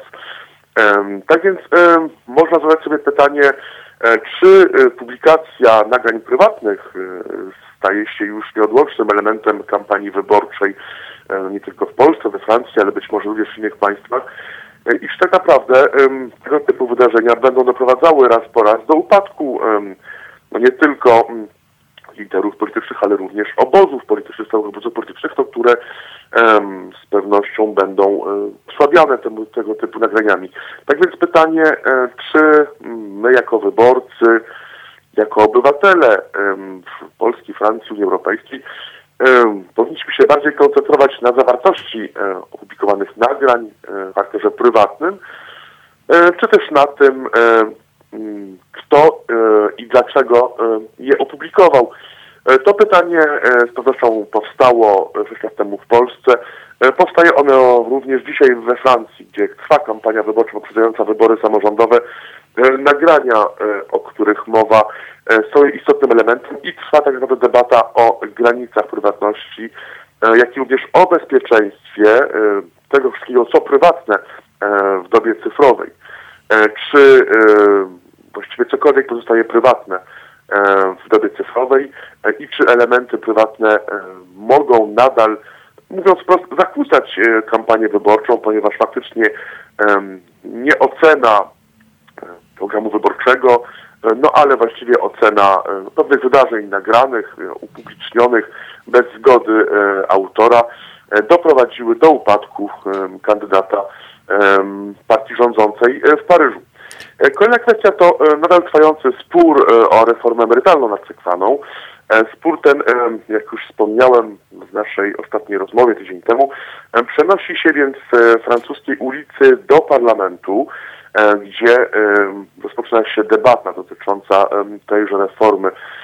Tutaj zdaje się, rządzący chcą procedować szybko, ponieważ z jednej strony ta reforma powoduje wiele zawirowań w francuskim parlamencie, albowiem na tym etapie zgłoszono do niej około 25 tysięcy poprawek. Z pewnością jest to przejaw obstrukcji parlamentarnej, e, no, która jest przejawem działalności opozycji, w tym tej lewicowej. Jednakże faktycznie um, po ostatnich komisja parlamentarna, której zadaniem było e, procedowanie tej reformy, nie była w stanie dokończyć swych prac. Tak więc pytanie, czy rząd E, będzie tak naprawdę mógł tę reformę przeprowadzić w parlamencie, w sytuacji, gdzie faktycznie dochodzi do coraz większych zawirowań e, w samym e, klubie parlamentarnym partii rządzącej. Zawirowań, które nadal trwają, pomimo iż prezydent Francji Emmanuel Macron próbował te wszystkie zawirowania zakończyć, spotykając się kilka dni temu ze swoimi posłami, też posłami klubu parlamentarnego jego partii. Jednakże w tym samym czasie trwa tak zwana konferencja finansowa, E, jej uczestnicy, czyli e, partnerzy społeczni, e, aktorzy społeczni i związki zawodowe i organizacje mają znaleźć metodę na nie uszczuplając budżetu francuskiego możliwość wydatkowania 18 miliardów euro około rocznie, tak właśnie, aby z jednej strony można było finansować francuskie system a z drugiej strony zaś E, faktycznie e, nie doprowadzić do podwyższenia wieku emerytalnego. Tą konferencję opuścił Związek Lewicowy e, z CGT, twierdząc, iż w tej kwestii kompromis jest niemożliwy i apelując jednocześnie do tego, aby rządzący wycofali się en bloc ze swojej formy. Także w tym samym czasie zdaje się, iż protestujący tracą poparcie, a apele o kolejne strajki nie są wysłuchiwane, czego dowodem były wydarzenia 17 e, lutego tego roku, kiedy dwa e, główne związki zawodowe nad Sekwaną apelowały do pracowników e, transportów i komunikacji zbiorowej do zawieszenia pracy na ten dzień i to na pewno zostało wysłuchane, tak więc zdaje się, iż faktycznie protestujący również z powodów finansowych, ponieważ mówiąc wprost, e, strajkowanie po prostu kosztuje w momencie, kiedy strajkujący nie pracują, po prostu nie zarabiają. E, zdają się, te apele nie są wysłuchiwane, tak więc ta debata przenosi się, jak już wspomniałem, na poziom polityczny, parlamentarny. Jednakże pytanie, czy rządzący będą w stanie tę reformę przeprowadzić w sytuacji, gdzie faktycznie zawirowania stają się coraz większe w partii rządzącej. Kolejna kwestia wreszcie na koniec to kwestia zaprezentowanego przez panią Donatuna planu e, na e, zwalczanie radykalizacji e, nad Sekwaną, czyli plan przeciwko temu, co prezydent Francji nazwał separatyzm islamski.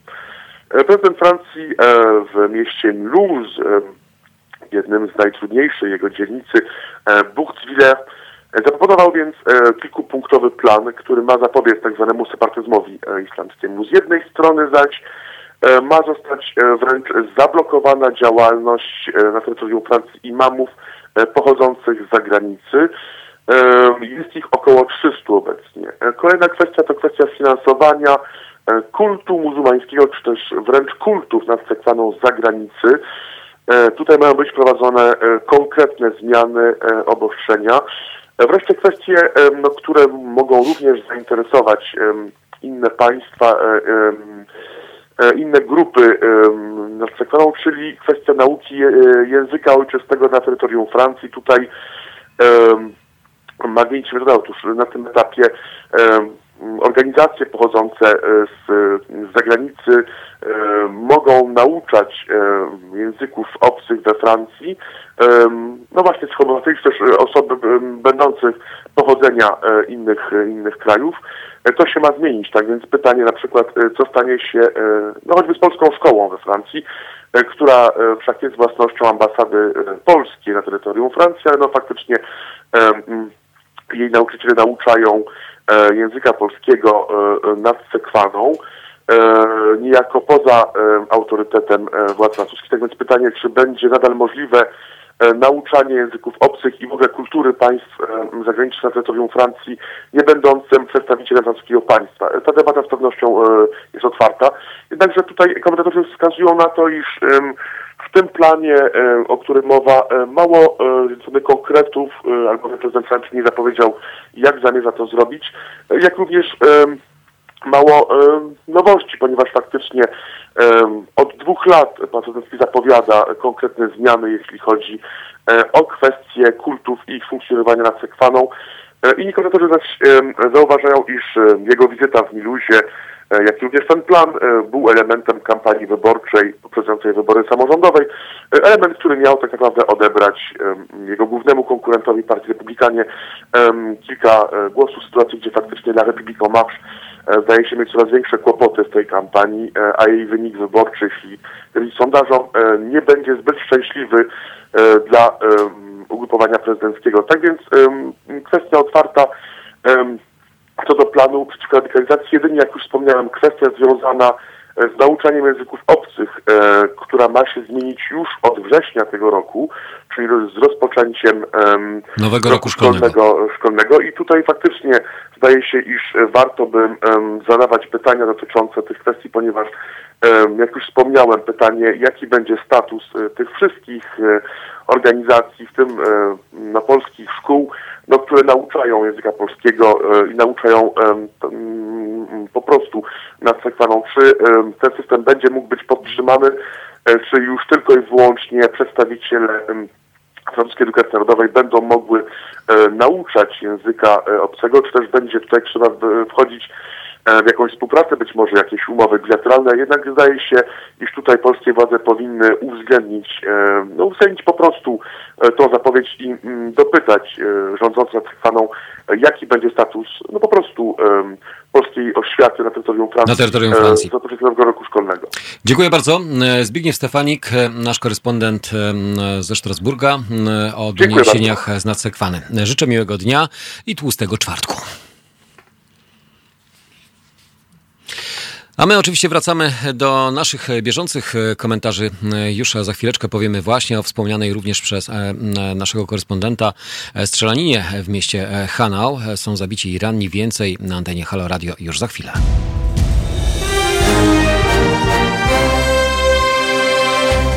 Halo Radio. Gadamy i trochę gramy.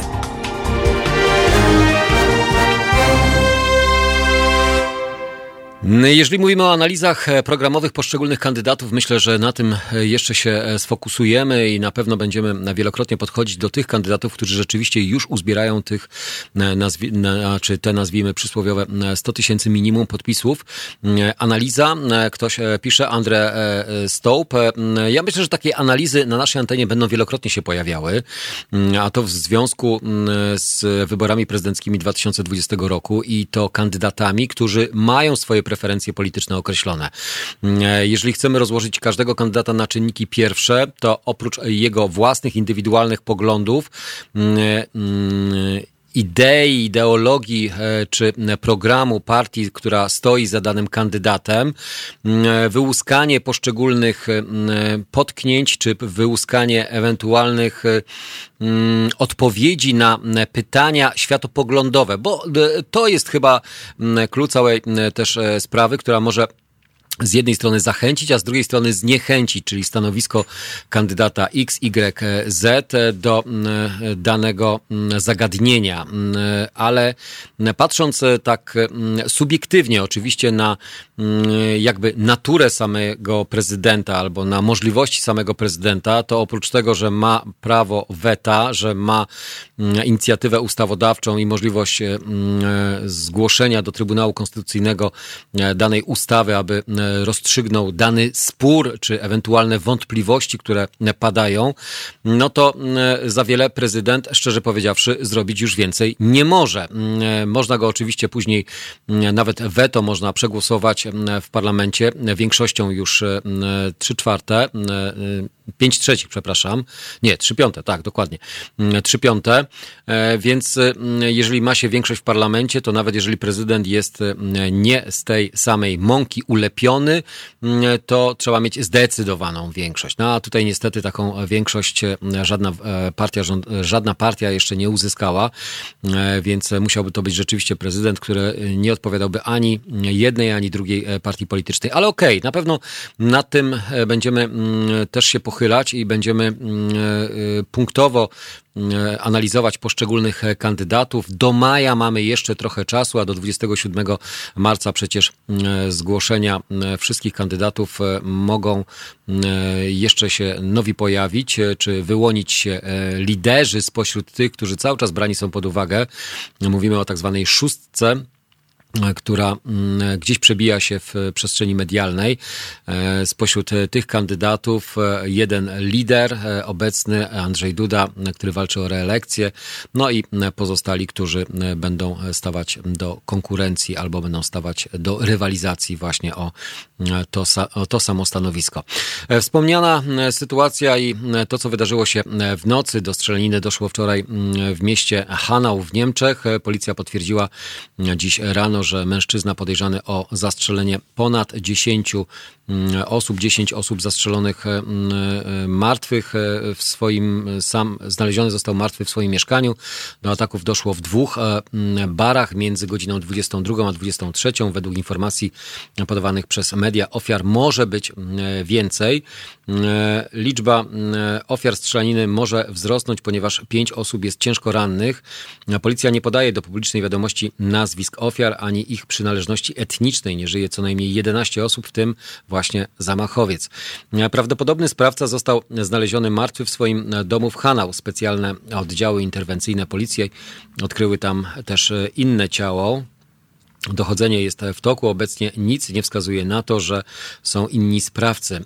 Z ustaleń dziennika Bild wynika, że był on obywatelem Niemiec i miał pozwolenie na broń myśliwską w samochodzie mężczyzny znaleziono amunicję. Z dotychczasowych ustaleń policji wynika, że pierwszy atak na bar miał miejsce mm, w środę w śródmieściu Hanau około godziny 22. Do baru e, z wodnymi fajkami wtargnął zamachowiec i zastrzelił z pistoletu trzy osoby, co najmniej jedną poważnie ranił. Świadkowie mówili, że zamachowców mogło być kilku i po ataku odjechali spod baru czarnym samochodem. Drugi atak miał miejsce kilkanaście minut później w podobnym barze, oddalonym o 2,5 kilometra w dzielnicy Kasselstadt.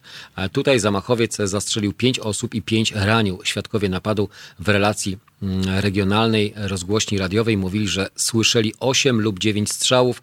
Nie są też zgodni, czy zamachowiec był jeden, czy też było ich kilku.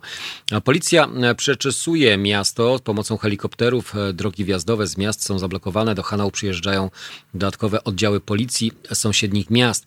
Policja nie komentuje doniesień mediów, w tym Bildu, który podał, że zamach był skierowany przeciwko Kurdom. Policja nie podaje do publicznej wiadomości nazwisk ofiar ani ich przynależności etnicznej. Motywy sprawców nie są na razie znane. Przypomnijmy, że Hanau położone jest około 20 km na wschód od Frankfurtu nad Menem i ma prawie 100 tysięcy mieszkańców. O informacjach i o strzelaninie również na bieżąco w serwisach informacyjnych, więc y, myślę, że tutaj liczba ofiar nadal będzie jeszcze pod znakiem zapytania. Co do Waszych komentarzy i co do oczywiście tego, E, co e, dotyczy wyborów prezydenckich, e, to myślę, że sprawa samych wyborów prezydenckich i kampanii, która cały czas trwa, która ma niestety tradycyjnie wydźwięk negatywny, bo na czym opiera się obecna kampania? Przede wszystkim na obnażaniu i obniżaniu poziomu wiarygodności danych kandydatów lub konkurentów kandydatów. Z jednej strony mowa o Andrzeju Dudzie, który wystartował w ten weekend, poprze ostatni weekend ze swoją konwencją, która bagatela nie kosztowała mało, na pewno milion pękł, a jak nie więcej. Mowa również o tym, co zrobi teraz obecnie prezydent odnośnie nowelizacji ustawy dotyczącej finansowania mediów publicznych. 2 miliardy, niecałe 2 miliardy, które zamiast pójść na inny cel, jakikolwiek by to nie był, ale zawsze nie media publiczne, bo mowa o propagandzie, czyli płaceniu sobie albo podpisanie takiej nowelizacji będzie wiązało się z tym, że przecież kto będzie promował danych kandydatów i kto pro, będzie promował danego kandydata, który podpisze. No to wiadomo, to już samo mm, się, sama nasuwa się mm, odpowiedź. Mm, czy te, tego typu pieniądze powinny być przeznaczane na media publiczne? Ja osobiście uważam, że absolutnie nie. Powinno się znaleźć inny model, inne rozwiązanie finansowania e, mediów publicznych. Platforma kiedyś wnioskowała o to, aby w ogóle zlikwidować abonament. Nawet kiedyś ówczesny premier Donald Tusk zapowiedział, że nie trzeba będzie płacić abonamentu, co zostało później mm, bardzo mm, skrupulatnie i skrzętnie wykorzystane. Mm, część osób przestała płacić i obarczając winą właśnie za to ówczesnego premiera, który zapowiedział, że będzie likwidacja i że nie będzie trzeba płacić. Okazuje się, że płacić e, nadal trzeba. E, konsekwencje za to też trzeba ponosić, e, bez względu na to, czy oglądamy, czy nie. Płacimy nie za media publiczne, tylko na media publiczne a płacimy za posiadanie e, radioodbiornika, e, radiowe, radioodbiornika radiowego i telewizyjnego, czyli to, że mm, w ogóle słuchamy radia i słuchamy i oglądamy telewizję, to musimy płacić. Tylko, e, że mm, jeżeli tak to wygląda lub tak to funkcjonuje, to to, że my posiadamy mm, e, mm, odbiorniki telewizyjne czy radiowe, to ta pula pieniędzy powinna być rozdysponowana na poszczególne mm, media, a nie tylko i wyłącznie na media publiczne, bo misję publiczną pełnią nie tylko media państwowe, ale również e, inne media, które też powinny z tego abonamentu czerpać jakieś profity. Byłoby to jakieś rozsądne rozwiązanie. E, padały propozycje, aby nie płacić indywidualnie, tylko za gospodarstwo domowe, aby doliczać ewentualny do dochodu rocznego tak zwany podatek e, albo dobrowolny podatek określony tam w skali procentowej czy dziesiętnej procenta, e, który byłby automatycznie nam pobierany z naszych rocznych wynagrodzeń. Ja e, jestem zdania, że mm, rynek powinien sam się obronić. Jeżeli media są e, dobre i media mm, ogólnodostępne niosą za sobą e, misję, to też mają swoje, mm, swoich nie tylko odbiorców, ale mają też swoich reklamodawców. Bo jeżeli już media finansowane są z budżetu państwa, czyli z naszych podatków, to dlaczego nadal czerpią również korzyści i czerpią zyski od reklamodawców? A reklamy przecież w tego typu mediach nie są wcale o wiele tańsze niż mm, w poszczególnych innych kanałach telewizyjnych czy rozgłośniach e, radiowych. Wręcz można byłoby rzec, że właśnie przez to, że e, są mocno finansowane, mm, również mają spore zasięgi i przez to też e, ceny za spoty radiowe czy telewizyjne też są wysoko wyceniane i też są bardzo drogie. Więc e, sposób na rozwiązanie tego problemu obecnie pewno e, nikt go nie znajdzie albo też go nikt nie zaproponuje. E, Chyba, że któryś z kandydatów wyjdzie z inicjatywą e, kandydatów pre, na prezydenta lub prezydentkę e, wyjdzie z inicjatywą odnośnie rozwiązania tego e, problemu, jak widzi e, przyszłość e, mediów e, w naszym kraju. Mm, Zapewne po wyborach albo e, no przed wyborami to raczej nie. Myślę, że nikt z tego typu propozycją nie wyjdzie ze strony ekipy rządzącej odnośnie repolonizacji mediów, czyli to, co było zapowiadane przed wyborami do parlamentu e, do Parlamentu Krajowego, jak mają wyglądać media w kraju. Ale po wyborach prezydenckich trzy lata, no będzie chyba e, wtedy mm, czas na to, aby e, pochylić się nad funkcjonowaniem mediów w przestrzeni publicznej. E, Pieniądze, e, mm, czy dobrze, czy źle e, wykorzystane, uważam, że one są źle wykorzystane, a przede wszystkim e, to, co dzieje się mm, w mediach, a przede wszystkim tych publicznych i w przekazach informacji, w serwisach informacyjnych, czyli wiadomościach, w jaki sposób e, m, pokazywana jest ta nasza rzeczywistość, no to ja przepraszam, ja płacić za to nie chcę. Ale niestety e, zmuszają nas do tego, e, albo przynajmniej zmusza nas do tego ustawa, która reguluje to. No, a skoro e, ustawa, no to jest ustawodawca. Jak jest ustawodawca, to jest prezydent. No a jak prezydent, to prezydent podpisze albo nie. W zależności z jakiej opcji. Halo Radio do godziny 10 rano, na zegarach już 9.05, więc za chwileczkę zajrzymy do prasy tej porannej, co w niej jeszcze ciekawego można znaleźć. Halo Radio.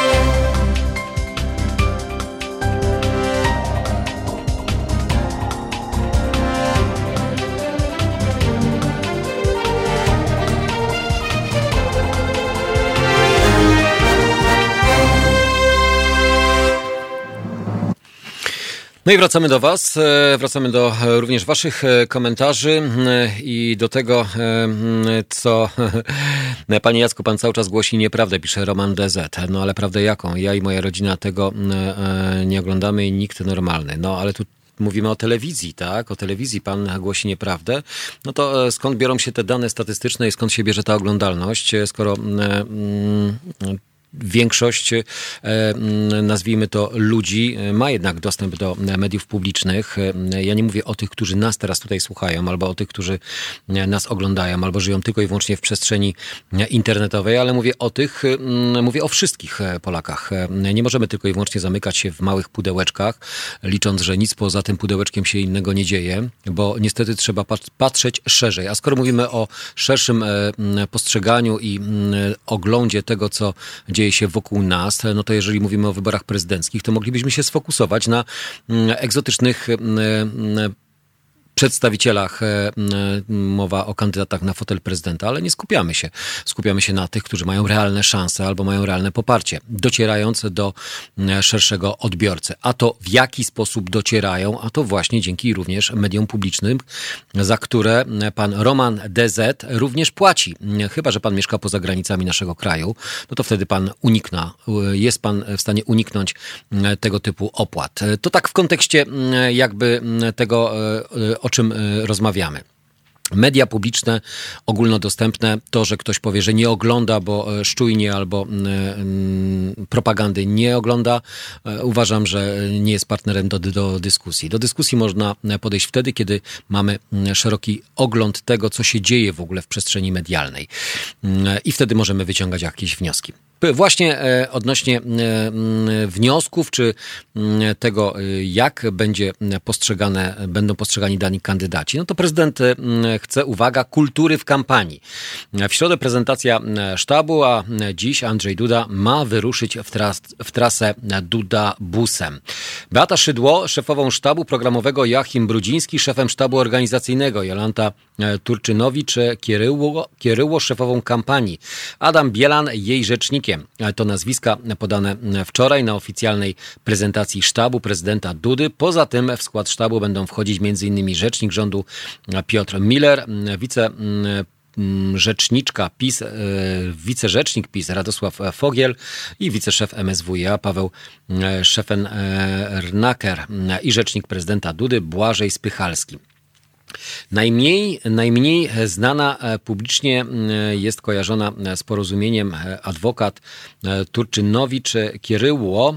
Kandydowała w ubiegłym roku do Senatu z okręgu pilskiego, ale bez powodzenia.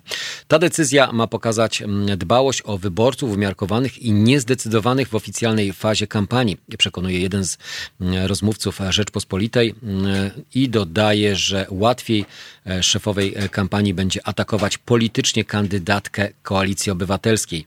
Struktura e, przedstawiona e, wczoraj jest e, jednak nowa dla Prawa i Sprawiedliwości w roku 2015, do którego politycy obozu rządzącego czasami nawiązują. Szefową sztabu była obecna europosłanka i była premier Beata Szydło, która teraz ma odpowiadać za sprawy programowe. W 2019 szefem sztabu w kampanii sejmowej był Joachim Brudziński. Teraz też w sztabie jest jasne, że nie newralgiczną rolę odgrywa Brudziński, który odpowiada za organizację, w tym kluczową dla partii mobilizację struktur i zwolenników.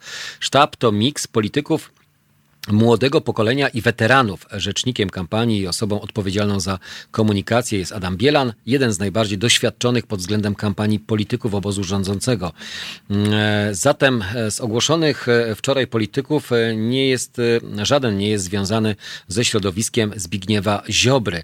Ważną w 2020 roku kampanię w sieci będzie tym razem koordynował Radosław Fogiel, wicerzecznik Prawa i Sprawiedliwości. W 2015 to kampania internetowa była jednym z najmocniejszych punktów ówczesnego e, sztabu. I teraz też tak będzie. Chociaż e, patrząc na pewne analizy i dane dotyczące aktywności poszczególnych kandydatów, e, to w momencie konwencji prezydenta Andrzeja Dudy aktywność na mediach społecznościowych była zdecydowanie mniejsza niż Małgorzaty Kidawy-Błońskiej. A to z racji tej, że są sugestie i podejrzenia o to, że mnóstwo kont jest tak zwanych kont fejkowych, które tylko i wyłącznie nabijają statystyki. Ale podejrzenia to jedno, liczą się fakty, a nie tylko i wyłącznie podejrzenia. Faktami to są właśnie analizy przeprowadzane przez niezależne, nazwijmy to, pracownie, które przyglądają się ruchom e, na e, poszczególnych e, stronach kandydatów. I rzeczywiście można było zauważyć, że mm, Andrzej Duda mm, w ten weekend miał zdecydowanie mniejszą aktywność, ten poprzedni weekend, niż Małgorzata Kidawa-Błońska.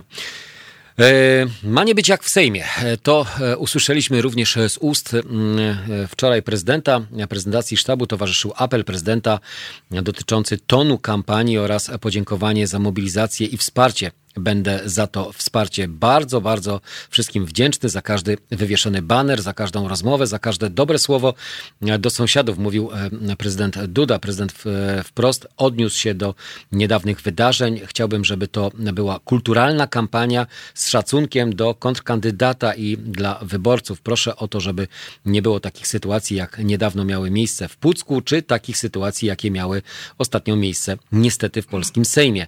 Żeby nie było obrażających gestów, obscenicznych, obrażających słów. E, w czwartek, czyli dziś, prezydent uda się w pierwszą podróż Dudabusem. To kolejne nawiązanie do 2015 roku. Prezydent ma odwiedzić kilka miejscowości, w tym e, Turek, Kutno, Łowicz.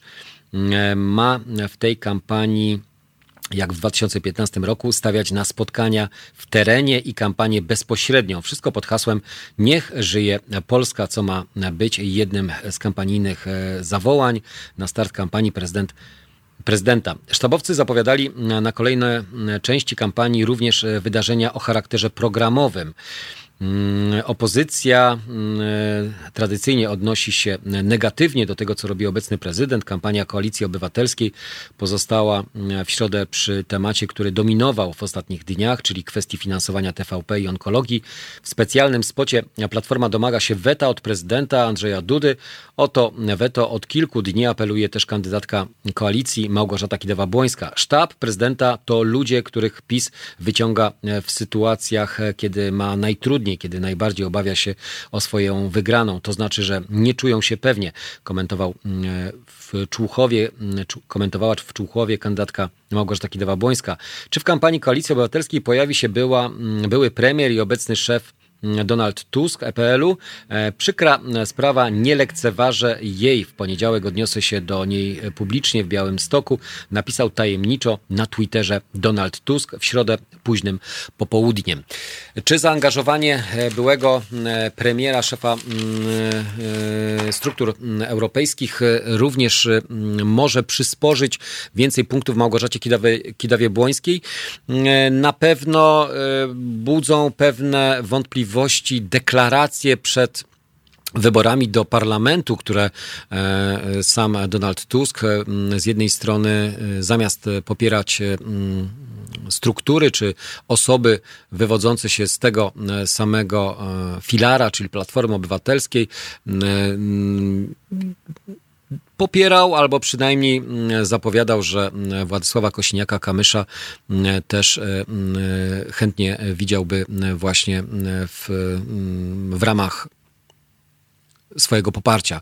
Więc e, jak będzie wyglądało w Białymstoku już w najbliższy poniedziałek Donald Tusk e, pewno się określi. Jakby politycznie albo z tej przestrzeni medialnej nagle się wycofał, ale myślę, że e, to nie jego ostatnie e, słowa, nie tylko tajemnicze wpisy na Twitterze, ale również słowa będą wypowiadane podczas konferencji, briefingów czy wystąpień samego Donalda Tuska. Zapewne może liczyć Małgorzata Kidawa-Błońska na jego poparcie, ale czy to będzie takie stuprocentowe, pełne, e, czy e, może e, inne, nie wiemy, więc poczekajmy do poniedziałku, a wtedy możemy się do tego spokojnie odnieść. Spekulacji oczywiście nigdy nie będzie brakowało, możemy sobie tutaj spekulować, ale tutaj nie o to chodzi. Mówmy o rzeczach, które mają miejsce. Więc wybory, kampania cały czas trwa. Szymon Hołownia z drugiej strony walczy też o zbieranie nie tylko pieniędzy, ale również podpisów. Jak informacje do nas docierają e, zbiórka e, finansowa, którą sam prowadzi, czyli to obywatele mają finansować e, wybór prezydenta. Już udało się zebrać ponad 400 tysięcy. Dużo czy mało? Ja uważam, że bardzo dużo to my płacimy na wybór e, prezydenta. No, jest to jakiś model, jakiś sposób na rozwiązanie, mm, ale okej, okay, dobrze. E, każdy e, ma, mm, każdy ma jakiś mm, pomysł na to, w jaki sposób chce osiągnąć swój cel i każdy ma swoją grupę zwolenników i tych przeciwników, więc do boju, panowie i, kandyda- i panie kandydaci na fotel prezydenta. Godzina 9.20 mm, do 10.00 jeszcze wspólnie na antenie Halo Radio, wspólnie z Wami Jacek Zimnik.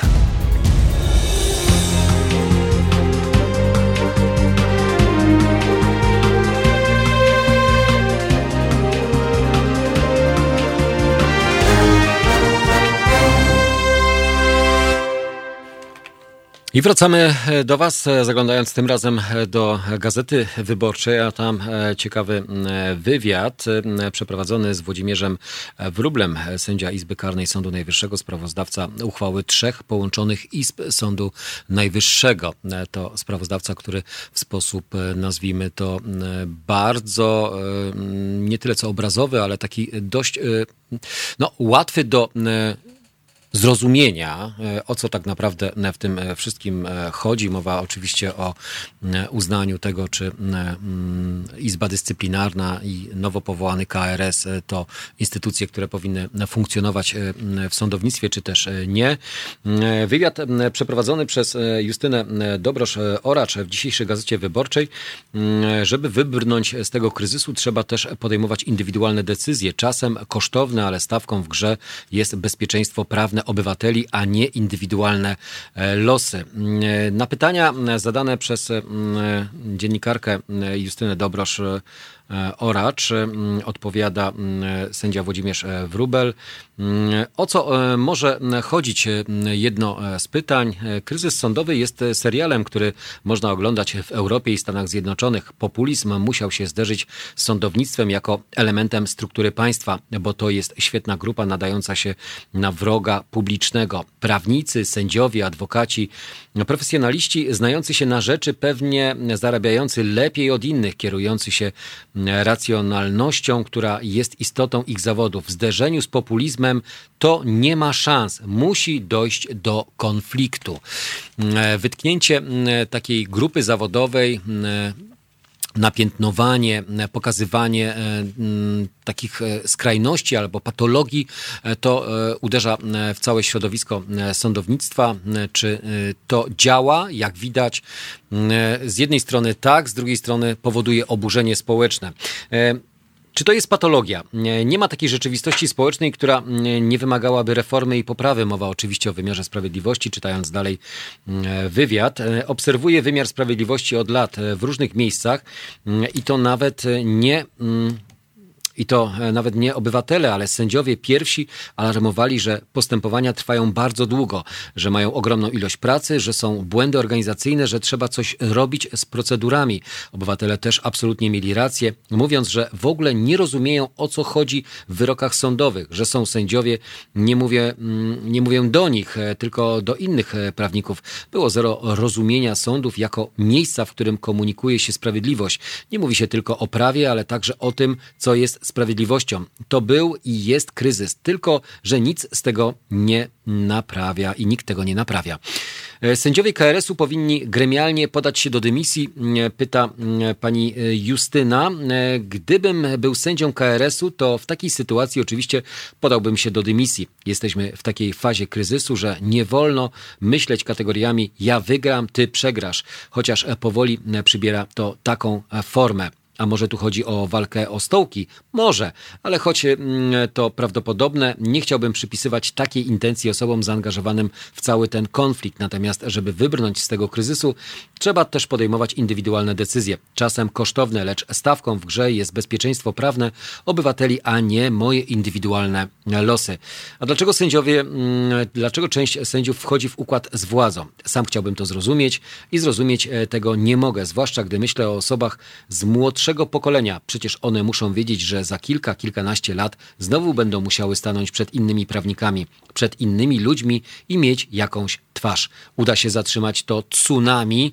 Pyta dziennikarka. Oczywiście, że ono się zatrzyma. Najlepiej, żeby to się zdarzyło za tydzień, za miesiąc, a nie za rok, dwa czy trzy.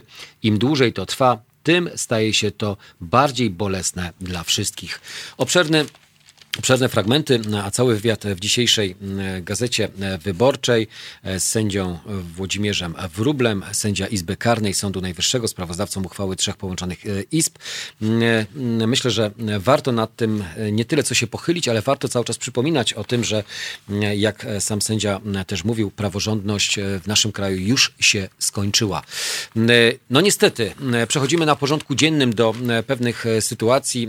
Nowelizacja ustawy podpisana przez prezydenta weszła w życie. Konsekwencje e, już jakieś są może nie tyle co odczuwalne dla nas, ale na pewno dla e, sędziów, e, bo chodzi o dyscyplinowanie, a również wybór sędziego Sądu Najwyższego, bo kadencja pani Małgorzaty, Małgorzaty Gersdorf kończy się, więc wybór jest no jakby może nie tyle co łatwy do przewidzenia, ale jeżeli mówimy o upolitycznionej KRS, gdzie wybiera się sędziów w sposób, nazwijmy to, kolegialny albo kolega kolegę popiera, e, albo taki krzyżowy, na zasadzie mm, ja podpiszę się nie tylko pod jedną, ale pod e, wieloma listami na przemian, no to wystarczy mm, przecież 25 tylko i wyłącznie wymieniających się podpisów e, pomiędzy poszczególnymi listami. Ale mm, to rzeczywiście jest zgroza.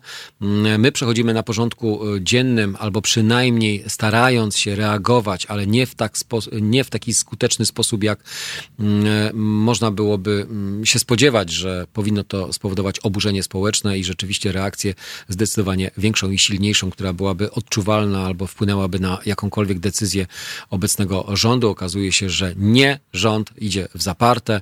Skoro będzie to reformował, to reformuje, a to nie koniec reformy wymiaru sprawiedliwości, jak sam zresztą Jarosław Kaczyński też zapowiedział. To początek. Początek, e, no co może być pod tsunami? Trzęsienie ziemi, kataklizm, uderzenie meteoru. Nie wiem, e, co jeszcze może się wydarzyć, aby społeczeństwo się też ocknęło i obudziło, bo później już będzie za późno.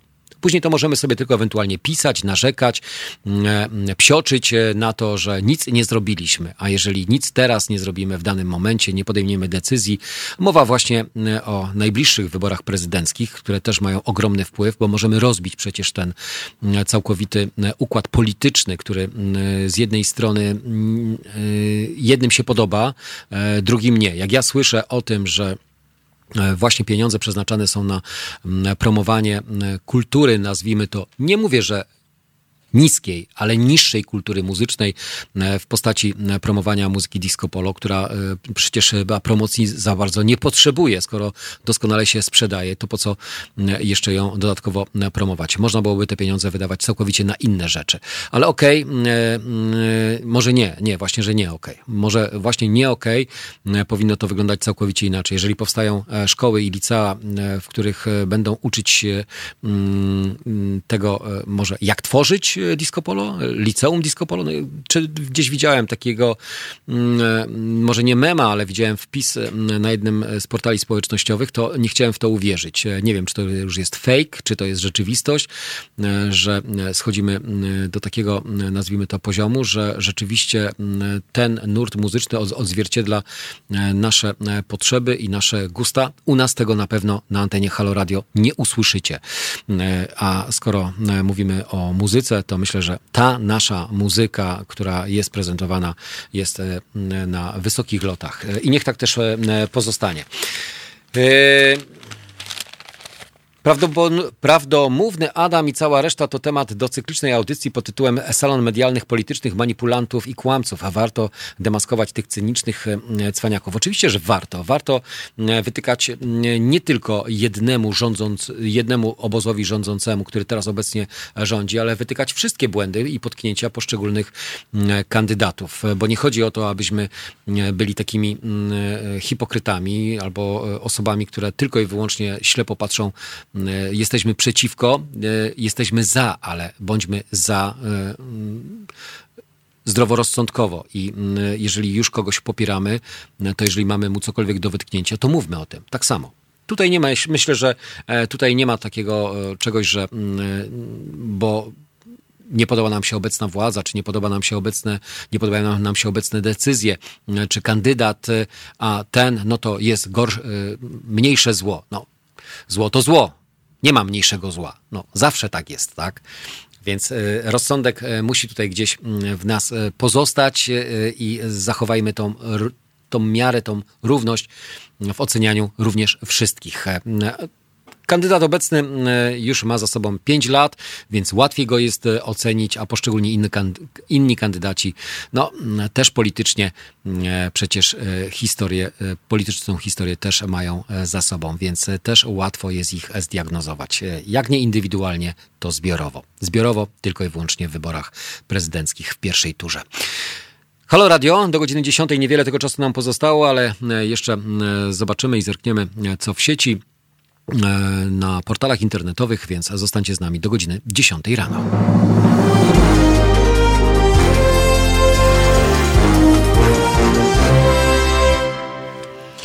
No i wracamy e, do Was w ostatniej e, części, w ostatnim bloku informacyjnym, albo e, przynajmniej tym, co dzieje się jeszcze w mediach, tym razem kolorowych, z informacji, które mogą też docierać do mm, naszych osób, a mam nadzieję, że też są takie osoby, które mają przecież już swoje lata. Mowa oczywiście o mm, emerytach. Są tacy? No pewno gdzieś tam się pojawiają na naszych forach i nie tylko, bo przecież mm, nie tylko ludzie młodzi, korzystają z internetu, ale również osoby, które już mają no, e, odpowiednią liczbę lat. Mm, okazuje się, że brakuje leków dla emerytów. Mm, chorzy na tarczycę, osteoporozę i zespół Parkinsona mają trudności z wykupieniem leków. Firmy farmaceutyczne nie dostarczają ich na rynek, bo chińscy dostawcy substancji czynnych zmniejszyli produkcję. To skutek epidemii koronawirusa. Największym problemem mają, największy problem mają pacjenci leczący się lekiem Eutychrox N. Ciężko go było znaleźć w aptekach już w grudniu 2019 roku, a teraz jest o to w ogóle zdecydowanie trudniej albo, albo prawie niewykonalne. O problemach z lekami poinformował portal gdzie Polek.pl, który monitoruje obecność leków na półkach 1200 aptek w całym kraju. W jego najnowszym raporcie na liście brakujących specyfików jest 48 pozycji, są wśród nich medykamenty dla wszystkich grup pacjentów, na przykład dla kobiet leczących się na mm, hormonalne, mm, hormonalnie, na przykład menopauza. Jednak największe trudności z zakupem farmaceutyków mają seniorzy, ponieważ brakuje na przykład leków na chorobę Parkinsona czy na nowotwory. Deficyt leków potwierdzają farmaceuci. Firma Merck, producent, mm, przyznała, że do e, problemów e, produkcji substancji czynnej w Chinach jest e, ograniczona, informuje e, Marek Tomków, wiceprezes Naczelnej Rady Aptekarskiej. Co mają teraz zrobić pacjenci? Pytać o zamienniki. Jeśli nie można ich znaleźć, trzeba zwrócić się do lekarza po inny lek, radzi Tomków. Brakujące specyfiki w końcu się pojawią. Taki był problem w minionym roku, kiedy zabrakło leków z metforminą, o, a stosują ją 2 miliony e, polskich cukrzyków, dodaje. Obecnie dostępność farmaceutyków e, e, z metforminą znacząco się poprawiła. Czytamy w raporcie gdziepolek.pl. Warto czasami zaglądać do tego typu portali, które rzeczywiście analizują, jeżeli mamy takową potrzebę, abyśmy nie byli rozczarowani przy, w aptekach, gdzie rzeczywiście może okazać się, że coś, co potrzebujemy albo co jest nam potrzebne na teraz, nagle znika. Wspomniany wcześniej Donald Tusk, który ma w Białymstoku pojawić się już w najbliższy poniedziałek, pokazany jest w dzisiejszym Super Expressie. Pierwsze kroki pod czujnym okiem mamy. Wnuczka Tuska uczy się chodzić. No, czym można zajmować się, jeżeli nie polityką, to przynajmniej życiem prywatnym albo zaglądać ewentualnie do tego, co dzieje się u byłego premiera. Oto nadszedł wielki moment w rodzinie Tusków. Najmłodsza z rodu, czyli roczna wnusia Donalda Tuska, właśnie uczy się stawiać pierwsze kroczki. Jak ten czas szybko leci, wydaje się, e, że to było wczoraj, gdy maleńka córeczka Kasi Tusk e, widzieliśmy mm, jako słodkiego bobaska na rączkach mamusi e, czy dziadziusia. Te infantylizmy naprawdę są tutaj przeurocze. A teraz to już niemal panienka, dziewczynka już uczy się chodzić pod czujnym okiem swych rodziców. Na szczęście E, pogoda sprzyja temu, by nauki e, prowadzić na świeżym powietrzu. Tylko się obejrzeć, a już będziemy widzieć, jak biegająca samodzielnie po plaży w Gdyni. Dziadek Tusk z pewnością pęka z dumy. No, gratuluję oczywiście mm, tego Mm, żeby w ten sposób e, korzystać e, z uroków swoich pociech i wykorzystywać go jak e, najlepiej. Okazuje się, że telefony w szkołach nielegalne. Rzecznik Praw Dziecka Mikołaj Pawlak chce rozwiązać jeden z najbardziej uciążliwych problemów polskich szkół. Chodzi o korzystanie z telefonów przez dzieci w czasie lekcji. Pawlak przedstawił pomysł, który w ogóle zabrania najmłodszym korzystania z komórek w szkołach. Dzieci w szkole mają się uczyć, a nie zajmować telefonem. We Francji weszła w życie ustawa, która zakazuje w ogóle przynoszenia telefonów do szkoły. Czy to jest naruszenie wolności i praw? To jedna z dróg, ale nie mówię, że najlepsza, stwierdził e, rzecznik. E, a tak w skrócie jeszcze odnośnie naszych kandydatów e, o fotel, e, na fotel prezydenta, o fotel prezydenta, na fotel prezydenta.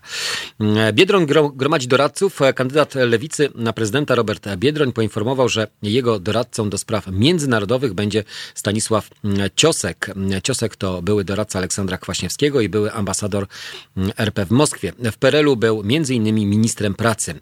Krzysztof Bosak, kandydat Konfederacji na prezydenta mm, Krzysztof Bosak wezwał polityków ubiegających się o najwyższy urząd w państwie do debaty. Nie uniknijcie albo nie unikajcie tego mm, debaty. To kwintesencja rywalizacji politycznej. Pokażmy, że wierzymy w swoje oferty i argumenty, zaapelował. Z tymi debatami to jest różnie. Zazwyczaj kto na debacie może zyskać, a kto stracić. Zyskać może ten, kto ma najmniejszą liczbę poparcia albo najmniejsze szanse. To ten może zyskać, bo może zabłysnąć, a stracić może ten, kto ma ugruntowaną pozycję albo mm, mm, no, odnotowuje najwyższe notowania w różnego rodzaju sondażach. Więc e, trudno będzie zapewne mm, o taką e, debatę jeden na jeden, czyli Krzysztof Bosak, e, Andrzej Duda, ale myślę, że taka debata studyjna, do której zobowiązana jest, zobowiązane są również media publiczne, za które już tu wielokrotnie podkreślaliśmy, płacimy przeogromne pieniądze, e, więc e, te debaty zapewne będą organizowane. Czy przed pierwszą turą takowa debata się odbędzie? E, myślę, że w gronie tych nieliderów zapewne pojawią się takie debaty i chciałbym je zobaczyć i usłyszeć różnego rodzaju rozwiewające wątpliwości czy pytania tylko żeby to były debaty merytoryczne i nie jednostronne. To znaczy, żeby też dobór dziennikarzy i dobór pytań był odpowiedni, który może nas zainteresować, a nie e, pytania ogólnikowe, gdzie znów nic nie wyciągniemy żadnego e, z tego wniosku. Duda apeluje o kulturę, to już o tym mówiliśmy, że prezydent, który ubiega się o reelekcję, zaapelował o kampanię prezydencką, która będzie oparta na szacunku i kulturze, żeby nie było obraża, e, obrażających gestów, scenicznych, żeby nie było obrażających słów, mówił Andrzej Duda. To wczoraj usłyszeliśmy, a dziś, tak jak e, mówiliśmy wcześniej, prezydent wyruszył z Dudabusem e, w Polskę, więc e, ci, którzy będą chcieli spotkać się z kandydatem na fotel prezydenta, zapewne będą mogli w pewnych momentach może zadać pytanie, chociaż coraz trudniej jest z tego względu, że również wczoraj prezydent nie odpowiedział na żadne pytanie, unikając oczywiście pytań dziennikarzy. To tak wygląda sytuacja w kwestii oczywiście mediów kolorowych i prasy kolorowej. Również informacje dotyczące Centralnego Biura Antykorupcyjnego i komentarze Michał Szułdrzyński, jeszcze jeden komentarz dotyczący prezesa Niku, a tutaj też na naszym portalu facebookowym Rafał Kurkiewicz umieścił informację odnośnie raportu, kolejnego raportu Najwyższej Izby Kontroli odnośnie Puszczy Białowieskiej. E, tam e, mm, taka analiza jest e, ujawniająca w tym raporcie, kto miał rację. Warto zajrzeć na nasz portal, zajrzeć na nasz fanpage i poczytać o tym, co jeszcze w szafie trzyma prezes Niku. CBA działa w rytm życia politycznego. Mm, walec służb przetacza się przez dzieci pisowskiej rewolucji. Złośliwi twierdzą, że nie ma przypadków, są tylko znaki i najazd na rodzinę Mariana Banasia oraz zatrzymanie agenta Tomka. To próba ucieczki przed problemami politycznymi Prawa i Sprawiedliwości. Mm, e, Michał e, Szułdrzyński e, odpowiada, chyba nikt nie ma szczególnych wątpliwości co do tego, że CBA działa w rytm życia politycznego. Wiemy to przecież nie od dzisiaj, nawet jeśli ktoś chciałby uwierzyć, że to wszystko nie ma nic wspólnego wspólnego z bieżącą polityką, to zbieg okoliczności jest niewiarygodny. Y, tyle tygodni nic w sprawie Mariana Banasia nie, się nie działo. Aż tu nagle temat wrócił po sprawie środkowego palca pani Lichockiej, która żyje już własnym życiem. Ta sprawa tego palca. To może być symbol tej kampanii, y, przynajmniej na pewno wykorzystywany przez y, ekipę opozycyjną, umiejętnie wykorzystany i cały czas przypominany, myślę, że w naszej świadomości pozostanie jako wizerunek ekipy rządzącej, która co nam pokazuje? Palec. A co my możemy pokazać mm, mm, rządzącym w zamian? No, gest Kozakiewicza to jest jedyne rozwiązanie, albo wrzucona kartka i niewybranie danego kandydata, który y, związany jest z tym obozem. Ale czy y, to y, też próba rozliczenia się z samym Banasiem? Pytanie do Michała Szułdrzyńskiego, który zapowiadał liczne kontrole w licznych instytucjach. Czy stał się on po prostu wygodnym kozłem ofiarnym wobec niekorzystnych dla PiS mm, wiatrów? Myślę, że trzeba to przede wszystkim wiązać z kampanią prezydencką. PiS liczy, że konwencja Andrzeja Dudy, przyznajmy, że świetnie zorganizowana, z wielkim rozmachem i profesjonalizmem, przykryje wszystkie kłopoty tej partii. Od sprawy pana Banasia przez reformę sądownictwa po sprawę pani Lichockiej. To się nie udało, więc PiS dramatycznie szuka pomysłu na to, czym by tu zająć opinię publiczną. Tak by pokazać, iż albo zła jest opozycja, albo dobry jest PiS.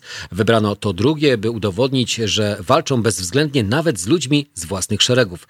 Tylko czy na przykład Marian Banaś nie poczuje się jeszcze bardziej zdeterminowany, by odgryźć się, odgryźć się na PiSie? Mm, Michał Szudrz- Szudrzyński z Rzeczpospolitej odpowiada, nie wiem czy PiS e, zaprzątał sobie mm, tym głowę, mam bowiem wrażenie, że nad strategią zwyciężyły taktyka i przekonanie, że trzeba coś szybko znaleźć, by opinia publiczna nie zajmowała się sprawą onkologii palca posłanki Lichockiej. Padło na to, co jest pod ręką, a pod ręką byli Marian Banaś i agent Tomek. Ten temat zapewne dzisiaj również w mediach będzie się e, przewijał i e, nie zabraknie również komentarzy na naszej antenie, więc słuchajcie nas cały czas. E, Halo Radio do Waszej dyspozycji, nie tylko online, ale również na naszych profilach, m, czy to za pomocą aplikacji, tam gdzie możecie słyszeć nie tylko głos, ale również muzykę, ale na Facebooku docieramy do Was przecież każdego dnia z nowymi, świeżymi informacjami i naszymi komentarzami i ocenami. Ja Wam życzę dziś spokojnego, mm, udanego, tłustego czwartku. Pamiętajcie, dziś tłusty czwartek, więc my z Piotrem jeszcze po jednym pączku machniemy mm, na samo zakończenie. Mm, I życząc Wam miłego, no, fajnego, udanego dnia e, i bez żadnych stresów. Pamiętajcie, polityka jest, będzie i była, więc e, warto się jej przyglądać i dzielić się swoimi spostrzeżeniami opiniami na naszej antenie. Życzę Wam spokojnego dnia. Do zobaczenia. Jacek Zimnik.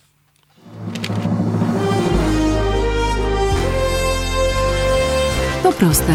Żeby robić medium prawdziwie obywatelskie, potrzebujemy Państwa stałego wsparcia finansowego. Szczegóły na naszej stronie www.halo.radio, w mobilnej aplikacji na Androida i iOS-a oraz na koncie Fundacji Obywatelskiej w serwisie www.patronite.pl. Naszym darczyniom i darczyńcom serdecznie dziękujemy. www.halo.radio. Słuchaj na żywo, a potem z podcastów.